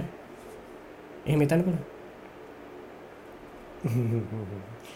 හරි අද මේ සාකච්ඡාව දැන් අපි අවසාන භාගයට ඇවිල්ලා මේ මම හිතන්නේ මේක ඉවර කරන්න කලින් අර ඉතුරු කන්සෙප්ට්ස් දෙක අපි ලබන සතියේ ලබන සතියේ ඊළ පස් සතියක තව විස්තරාත්මකව කතා කරන්න. මට සරලව අපිට කියන්න quantum entanglement superposition ඊට පස්සේ මොනවද අනිත් එක? මේ අර බාධකයක් කරා යන්නේ මොකද්ද? tunneling. ඔන්න ඔන්න ඔය effects මොනවද කියලා පොඩ්ඩක් විස්තර කරන්න. දුලික. හ්ම්. මම නිකන් superpositions ගැන කියන්නම්. ඔක මේ 2022 අපි හොයාගත්ත කොටස ගැන නේද ඔය කියන්නේ නෑ සුපපෂයන් කියන ට කලින් තන් අපි දන්න දෙද සිස් දෙක අමත කරලා පිට කලින් ටික යම සුපපොසිෂන් කියලා කියන්නේ එන්ටෑන්ගල් වෙච්ච අංශූන් දෙකක්. මොනහර අංශුන් දෙකක්. එන්ටෑන්ගල්මට විස්තර ඔගොල් කවුරට පටන් ගන්න අපි අපි කියනකු. එන්ටංගල්මට එක ම සංචයදන්න විදිට ඒක හදන්න පුළුවන්. සාමානයෙන් ගොඩක්කට බෑ. එකම ෆිල් දෙකින් ඕන්න එක ෆිල් දෙක ඉඳලා ඒ දෙන්න හැබැයි වෙන ඉන්ටැංගල් වෙච්ච මේ දෙකක් වෙන එකක් එක් ඉන්ටැංගල් නොවී තියාගන්න සෑහෙන මහන්සියක් දරන්න ඇද කට හිතනවනේ මේ ඉන්ටැංගල් වනයින් පස්සේ අර විශ්ව හාකලට ඉන්සත් ඒ වෙනස්සන්න ඉන්ටැංගල්මට තින එක හරි. බැ තවහකට ඉන්ටැංගල් නොවෙන්න වග බලාගන්නන අපි ගෙනියනකොට විච්චේ යාගලියට එතකොට මොකක් හරි ක්‍රමයකට ඉන්ටැංගල් කරයින් පස්සේ ඒ දෙන්නගේ ප්‍රොපටි දෙක එන්ටැගමට හරියට බිඳුන් නැත්තම් මනාද ඒක මෙෂ කරතින් එය මොනහරි ප්‍රපටිය එකක් මෙෂ කරත් ඒකට සංකල්පයක්. එන්ටෑගල්මට මෙහ විස්තර කරන ෂෝඩිංග අර. ෂෝඩිංග ඉක්වේෂන්ස් වලින් ඒ කියන්න ඒවැ තියෙන අරර මේකදතේ වේ වව ෆංක්ෂන්ස් දෙක එකට එකතු වෙලා එක ව ෆංක්ෂණයක් හදන ඊට පස්සේ ඒක ඇත් කරන්න පුළුව ඕන තරම්. තුර සේම් වේ ෆංක්ෂන් එකින් තමයි එක විස්තරවෙන්න යොකතමයි මැතමටිකල් ඩිස්ක්‍රි මැතමටිකල් මොඩල එක. ඒගාවට මෙහැබැ මට මේක සංචයර මුලින්ම කිවේ මේ පටන්ගන්න කලින් කෝඩිං කලින් කිවේ Uh, කොන්ටම් ස්පිනිින් ගොඩක් අය ගන්නයෝකට ස්පිනිින් එක ගන්නවා එන්ටැන්ගල් එක මයින්න හැබැයි මේ මොක ස්පින්නනවකුවම අපි අර මොකද uh, අපිට ඔලුවට යන්න නිකම් බෝලයක් කරගෙන වගේ එකක් නෙමි මේක මමත් තාමත රුගන්න උත්සා කරනවා. ඒ කොන්ටම් ස්පිනිින් කියන එක මේ uh, අපි ඔය බෝලයක් කරගෙන වගේ එකක් නෙමි දැනට එහෙම හිතාගමු. හැබැයි මොකක් හරි මනින්න පුළුවන් ප්‍රොපටිය එකක් එක එකක් එක විදිකට මැන්නොතින් ඊට සම්පූර්ණ ප්‍රතිවරුද්ධ පැත්තට අනි තැන්ටැන්ගල්ට චෙක්කෙන රිසල්ට එක දෙනවා අනිවාර හැබැයි ඔබ්සව් කර එක ඔබ්සව් කරති අපිට ශක එකක් ඔබ්සව් කර අනිත එක අනි පතර එන්ටැන්ගල් වෙලා එන රිසල්ට එකක් බව අපිට කලින්ම දැනගන්න පුළ ඔය පුදුමයි. ඒක කොහොමද වෙන්නේ කියලා. ඕක කටේ හිතනවා මේ ඉන්ෆර්මේෂන් මේ දෙක අතර මාරුවන ගලත ඉන්ෆර්මේෂන් මාරු ඒතර ආලෝකය වගේ වඩා ඉක්මනට වෙනවා ඒක. නේ වැඩි. නෑ ඉන්ෆර්මේෂන් මාරුවෙන් නෑ. ඒදෙන් එන්ටැන්ගල් වෙච්ච හින්දා ඒක තමයි. තමයි එන්ටැන්ගල්මන්ට් කියන්නේ මොකක්ද ඒ කියන්නේ මේ පෙකිනි වෙල වගේ එකක්ද? ඒ ඒ දෙන්න එකම ඒකැන එක අපි මෙහෙම මම මගේ මේ නිවුණු අතර තියෙන ඒ වගේ එකක්ද? මොකද නිවුණු අතර තියෙන දෙක නිවුණු කෙනට නෑ නෑ නෑ නෑ. එහෙම දෙයක් නෑ. එහෙම එහෙම මොකද මෙතන ඇබ්සිටි එකක් නැහැ. ඒ කියන්නේ මෙතන මේ- මේ දෙන්න එකම ආකාරයෙන් හැසිරෙනවා. ඉතින් අපි එක්කෙනෙක් ඔබ්සර්ව් කරතින් අපි දන්නවා අනිත් එක්කෙනත් මෙහෙමයි කියලා. මේ ඒ කියන්නේ ඒකෙන් අදහස් දෙන්න- නොවි එන්ටැන්ගල් නොවි හිටියොත් හැබැයි ඒතක ඒත් එහෙම නෑනේ. නෑ එතකොට නෑ. ඒක තමයි එන්ටැන්ගල් වෙච්ච හින්දා ඒ ඒ දෙන්න එකම විදියට රිසනේට් වෙන්න පටන් අරන් ඉවරයි. එතකොට අපි මැන්නම එකම විදියට රිසනේට් වෙන හින්දා අපිට එකක් මේ මෙන්නම අනිත් එක්ක ගැන අදහසක් ගන්න පුළුවන්. ඉතින් නෑ එහෙමනම් එහෙමනම් මෙහෙම වෙන්න බෑ. නෑ නෑ මට හිතෙනවා ඒක එහෙම එහෙම කියන්න බෑ දැන් ඒ- මොකද මොකද දසුන් කීප එක දැන් කීප එක හරියොත් ඔයාලා නොබෙල් තියාගේ හම්බ වෙනවා ඒක. ඔව්, ඒ- ඒක එහෙම එහෙම වෙන්න විදිහක් නෑ. මට හිතෙන ඉතින් එක්කෙනෙක්ගේ එක්කෙනෙක්ගේ හැසිරීමෙන් අනිත් එක්කෙනාව මනිනවා කියන්නේ හ්ම්. එක්කෙනෙක්ගේ පොසිෂන් එක වෙනස් වුණොත් හ්ම්. අනිත් එක්කෙනාගේ පොසිෂන් එක එයා වෙනස් කරගන්නවනේ. ඒ ලාවට ඒක අපි දන්න ඒ අපි දන්න වෙනස් කරගන්න කියලා. ඒකැන මෙහම දැව රැන්ඩම් එන්ටැන්ගල් වුණ අයගේ රැන්ඩම්නස් එකක් කියලන අපියක තේරු කරන්ති එතනයි ප්‍රශ්න හිත නතුර කට හිතන රැන්ඩන්නස්ස කරට ලිමිට්නවාගේ එක සමහරක් විට ම හිතන ඇති අරය ඔබ්සව් කරා කියලා මෙයා දැනගන්නවා වගේ දෙයක් නෙමී වෙන්න කියලා. ඔතන කට හිතන මෙයා ඔබ්සව් කරපු ඔයා කියන්නේ හින්දා- ස්වභාවයෙන්ම උන් එකිනෙකට ප්‍රතිවිරුද්ධ වෙවි අන්න. අපි- හරි. ස්වභාවයෙන්ම දෙන්න ප්‍ර- ප්‍රතිරුද්ධ දෙකක් තමයි පෙන්න්න අපි. ඔව්, එක බල්බ් එකක් රතු පාට වෙනවා කොළ පාට අනිත් රතු පාට වෙනවා කොළ පාට වෙනවා ඔය දෙක මාරුවෙන් මාරුවට වෙනවා. කොහොමද ඒ දෙක එහෙම තමයි වෙන්නේ. එකම සර්කිට් එකට සම්බන්ධ වෙලා තියෙන්නේ. අපි එකක් බැලුවම අන්න. අනිත් එක කොළ පාට කියලා අපිට කියන්න ඕක තමලු ෆෙස්බුක් එක සංජය? දසුන් හ්ම්. ඇත්තටම ඔය ප්‍රොපර්ටිස් දෙකක් උදාහරණ විදිහට නේද ගන්නෙ හැම ප්‍රොපර්ටි එකක්ම විස්තර කරන්න පුළුවන් හැම ඔව් හැබැයි අපිට අපිට මේ හැම එකක්ම පුළුවන් වුණාට එකයි මයින්න පුළුවන්. අපිට ස්පින් එකත් මැනලා ඊගාවට වෙනහෙකුත් මයින්න බෑ. ස්පින් එක මැනපු ගමන් ඒ ඒක කොලැප්සන මන්දන්න ඒක අර ඩබල් ස්ලිප් එකේදී ඔබ්සර්ව් කරනකොට හැසිරෙන විදිහයි. හ්ම්. ඒක එහෙම නැති වෙනකොට හැසිරෙන විදිහයි වෙනස්. ඒවත් තාම හරියටම විස්තර කරලා නැහනේ කොයි විදියට උප- උපකල්පන තියෙනවා.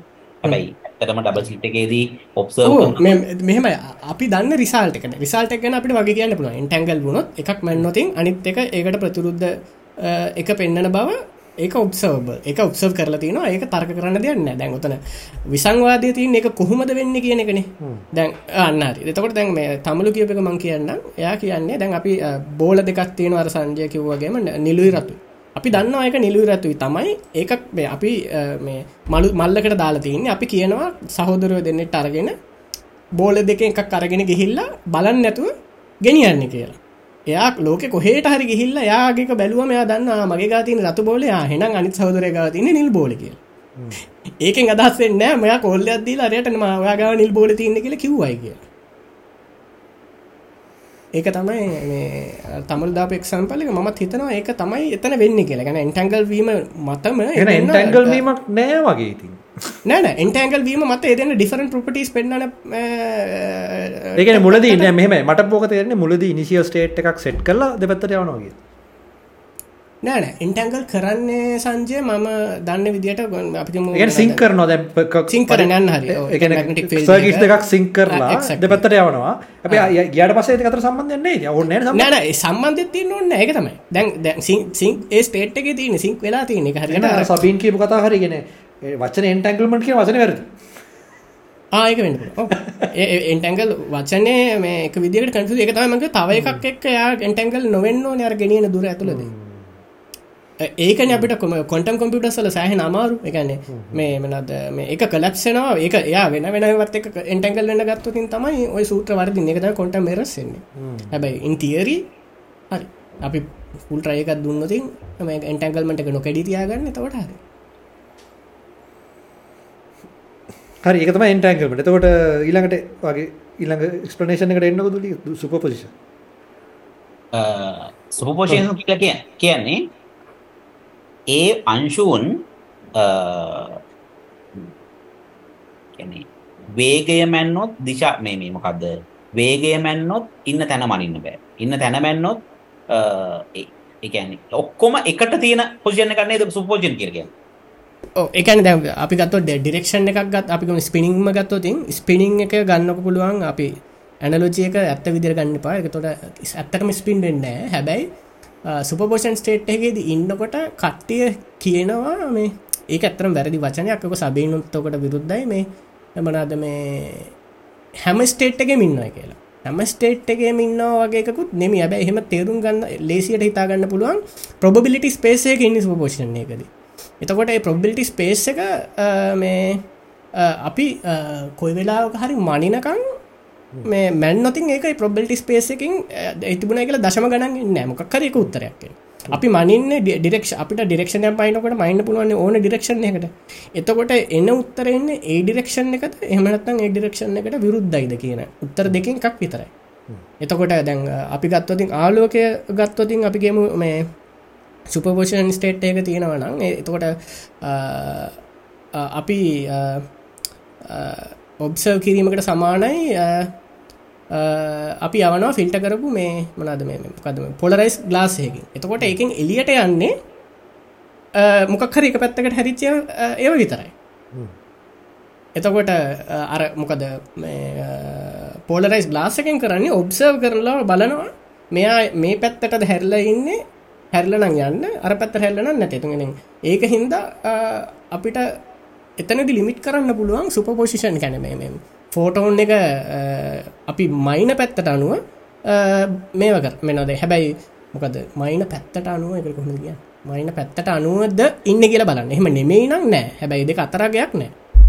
ඒක ඒවිදිට තම ම තේරු කරති මට එක සංචය මේ පද වචනවලින් කියලද නම මාන එකයි සංජයටම පැහදිලි කරන්න කිලි ගැනවා කියලා. සුපපෝෂන් අපි කතා කර. කොන්ටම් කම්පිටස් කතා කරද මට මේ වෙනත් මේ අයිඩ වෙනත් මාන වෙනත් පැත්තගේ දිය බලවගන්න ඕන අප ඉතමදි කතා කරන්න බේසික්ලීම තියෙන්න්න තියෙන තියෙන ස්ටේට්ස් කීපයක් තියෙන ස්ටේට්ස් කීපයම යායට ඉන්න පුළුවන් කියල සම්භාවිතාවත් තියෙන අපි සම්භාව එක දිහා බැලුහාම ඒක ඒ තියෙන එක කතන් කතම තියෙන හැමතනම තියෙන්නේ එක ඊට පස බල වෙන තනක තිය නමුත් යම්කිසනක තියෙන මේ කර මේශගෙන බැලු බලපු කෙන අනුව බලපු බලන වෙලාවේ එයා තියෙන තැනට එයා ලකුගත වෙනවා නමුත් එහෙම නොවන අවස්ථාවලද යා හැමතරම තියෙනවා කියන උපකල්පනය මත තමයි අපි ඒක බලන්න හැමතිස්ස හැබැ ඒක අදසන්නර හැමතනම ඉන්න කියලා. හැමතනම නිමි යට ෆිසිකල් පැවත්මක් නෑ හැමතර නෑ ඔව අන්න හරි. එයා මෙතන සිටීමේ ප්‍රබිලිටි ඇත්තමයි දන්නේනේ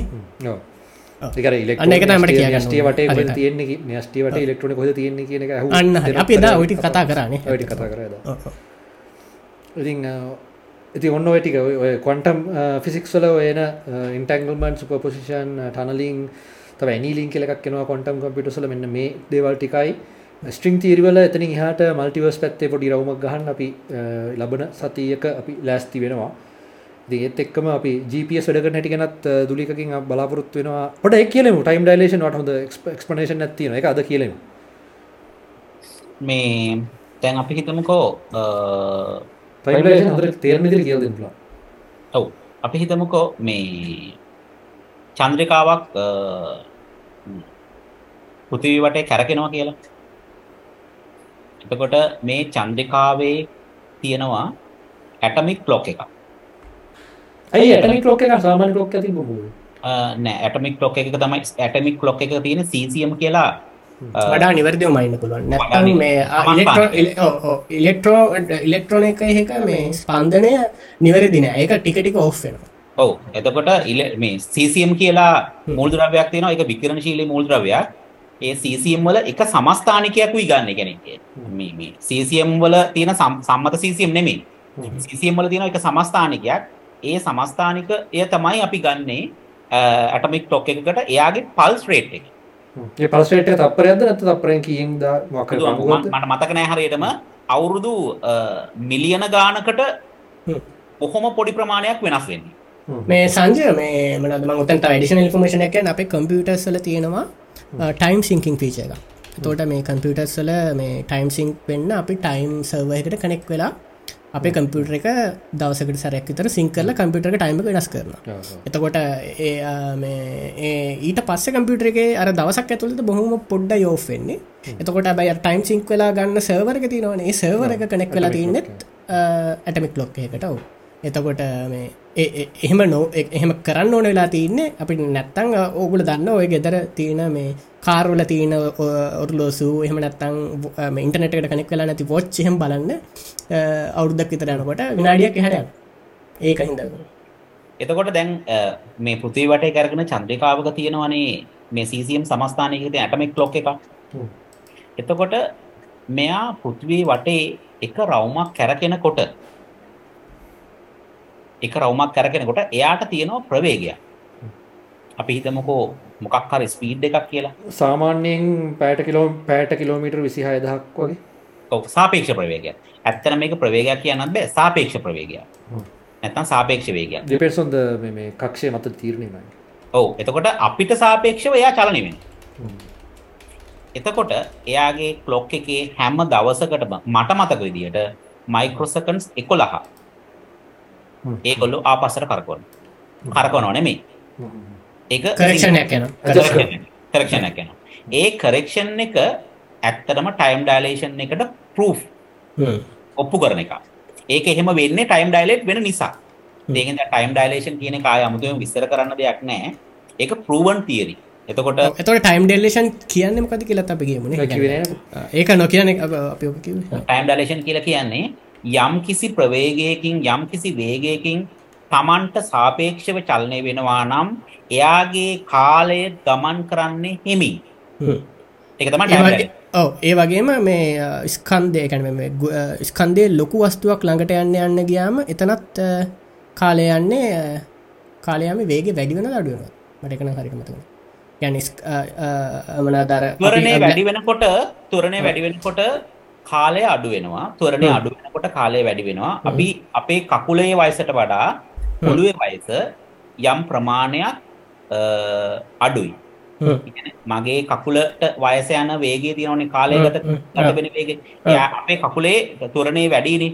එතකොට යාගේ කාලය අඩුයි. ඒක පෘථිවියට ළඟ හින්ද පොළොට ළඟ පෘථිවියට ළඟ ස්කන්ධයට කන මේ මේ සංජය තේරුම් ගන්න තියෙන්නේ ඕක අනිත් විදියට. ඒ කියන්නේ ලොක්කු ගුරුත්තයකට ළඟ ළඟ වෙන්න. එතකොට අපි දැන් ගුරුත්තයට වඩා දුරයින අප ඔලුව කකුල ළඟයි ගුරුත්තයට තොටම ප්‍රවේගය ගාවගෙන නෙමියෝක හිතාගන්නේ.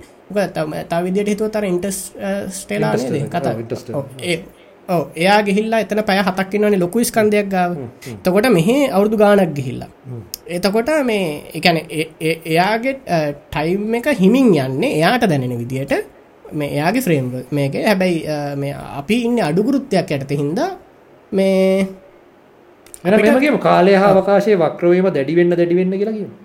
ඕ කාලය හා අවකාශය වක්‍රවීම දැඩිවෙන්න වෙන කාලය ගතවෙන්න හිමි ඕ කාලය ගතවෙන්න කාලය ස්ලෝ වෙනවා. කාලය ස්ලෝ ටයිම් ස්ලෝස් එකැනේ එකැනේ ඉත්සෙල් එක්සල් එකන ටයිම් ස්ලෝස් ඉත්සෙල් එයා ඒක තමයි ටයිම් ඩලෙට් කිය ඉතින් ඔතනද ඇත්තරම මේ චන්ද්‍රිකාවකදී වෙන්නේ මේ තුරණේ බලපෑම නෙමෙයි. තුරණේ බලපෑමකුත් තියෙන අතරම කාලයට.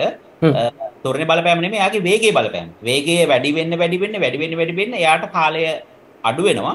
ඒක ඇත්තටම කොච්චර ලොකුවට බලපානවද කියනවනම් ඒක හැමදාම ඒගොල්ලෝ ක්ලොක් එක මේ කරෙක්ෂන් එකක් යනවා මේ um, මයික්‍රෝසෙකන්ඩ්ස් 11ක් වගේ මට මතක තියෙන්නේ මයික්‍රෝසෙකන්ඩ්ස් නැනෝසෙකන්ඩ්ස් මට මතක නැහැ. ඒ කියන්නේ ඒ වගේ ගාණක් ආපහු මේ ඒගොල්ලෝ රීකරෙක්ට් කරනවා එක දවසකට. ඉතින් ඇත්තටම ඒක නම් මම හිතන්නේ 1970 ගණන් වලදලා uh, සැරෙන් සැරේ ඔය ක්ලොක්ස් දෙකක් තියලා uh, ෆ්ලයිට් එකක ගිහිල්ලා ඇවිල්ලා සෑහෙන කරලා දිනවා. ඒකේ ඇත්තටම uh, ප්‍රූවන් තියරි ඉතින් ඒක හරි ලස්සනයි මේ වේගයෙන් ගමන් කරනවා නම් කාලය හිමින් ගත වෙන්නේ. ඒක තමයි ටයිම් ඩයිලේෂන් එකෙන් කියන්නේ. ඒ වගේම සංජය මට මේ ඕ තව දෙයක් මතක් කරන්නවන මෙ මිස්කන්ශිප්ෂණයක් තියෙනවා මේ පහස තියන දේවල් පොළුවට වැටෙන්නේ ටයිම් ඩයිලේෂන් එක කියලා මේකට හේතුවෙන්න එක හේතුවක් YouTube කෙනෙක් කරපු වරද එක YouTube කෙනෙක් එක්ස්පලේන් කරද්දි හරි වැරදියට තේරුම් අරගෙන තව YouTube කෙනෙක් වීඩිය එකක් කර. ඒ YouTube කරපු වීඩිය එක බලලා තව YouTube ලොහමගේ හයක් තර YouTube වීඩියෝස් තින ගොඩක් මේ ප්‍රසිද්ධ YouTubers ලටිකක් කරපු වීඩියෝ සට් එකක් මේ මේ දේවල් පොළුවට වැටෙන්නේ. අර මේ මේ එක්සාම්පල්ලෙක්ම තමයි අර කැන මේ ඔ- ඔළුවේ යන ඔලුවට තින ටයිම් ඩයිලේෂන් එකයි කකුට ටයිම්ලෙන් ඩයිලේෂන එක වෙනස් හිද කියලා ගත්තති ඒ වෙනස හිදයි පොලොට කඩන් වැටෙන ඒක හිද නෙම කොළන් වැඩ ඒක මිස්කංචප්ෂන කර විඩිය මදිසිරි බලුවත් කොහමත ඕබිට තියන පොලොට කඩන් වැටෙනවා? ති වැඩෙන් වැටෙන පොලොවක්රවන ගෙනමින් නෑ ඔබිට මත කරන කොනික අපි ඇපල් ගහ තියන කබීමට කඩන් වැටන ලැපිටිය දැන් ඒකත් තේරුම් ගන්න කටේ ඩයිම් ඩයිලේෂන් දාන ඒක. ඒක අනවශ්‍ය අනවශ්‍ය කම්පලිකේෂන් අනවශ්‍ය තොරතුර. අනවශ්‍ය කම්පලිකේෂන් එක විදිර තේරුම් ගන්න නෑ. ඒවිදි තේරුගන්න බෑ. එක වැරදි. මිස්කම්ශිප්න ඒ කවරුහරි මේ තව YouTube කෙනෙක් ඒක සම්පූර්ණයෙන්ම මේ එක්ස්පලේන් කරනවා මෙයා වැරද්දපු වරද්ද. හරි එනම් අද පැදෙකට අසන කාලයක් අපි කතා කර. මනස්ගත පිසෝඩ් විසි හතර තින් කොන්ට ෆිසික් ට්‍රිං තිරි පැත්තේ රවමක් ගහන්තම අදපියකට ආරාධන කරේ. අපි ඉදිරි දවසකත් මේ වගේම ගැඹුරු සබ්ජෙක්ටේ වලට හම්බ වෙනවා අපිට අවශ්‍ය අපිට වැරදි තමහර තියෙනවා කමෙන්ට්වල ඔයගොල්ලන් ඒගොල්ලන්ගේ අදහස් ඉදිරිපත් කරන්න. ඒ වගේම අපි තව දැනගත යුතු මොන හරි විද්‍යාත්මක කාරණා තියෙනවා අපි එක්ස්ප්ලෝර් කරන්න ඕන දේවල්. ඒවත් කමෙන්ට් වල කියන්න. ස්තුතිවන්ත වෙනවා. අපි නැවත දවසක ඔබ හම්බ වෙන්න බලාපොරොත්තු වෙනවා. තව ටිකක් ගැඹුරට මේක ගැන කතා කරන්න.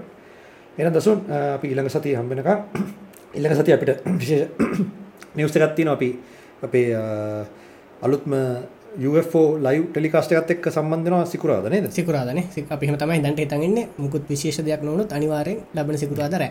පැතුන සිකුරාදා රෑ, පැය තුන හතරක් නයිටක් අපි- ගහන්න බලාගෙන ඉන්න. නයිටක් ගන්න බලාගෙන ඉන්න. අලුත් අ, අපි ටික වෙනස් පරිසරයක හම්බ වෙන තමයි සෝදානම් කරලා තියෙන්නේ බලමු. හරි. එහෙනම් අ, සියලු දෙනාට සුබ රාත්‍රියක් ජය වේවා. ජය වේවා ජයවා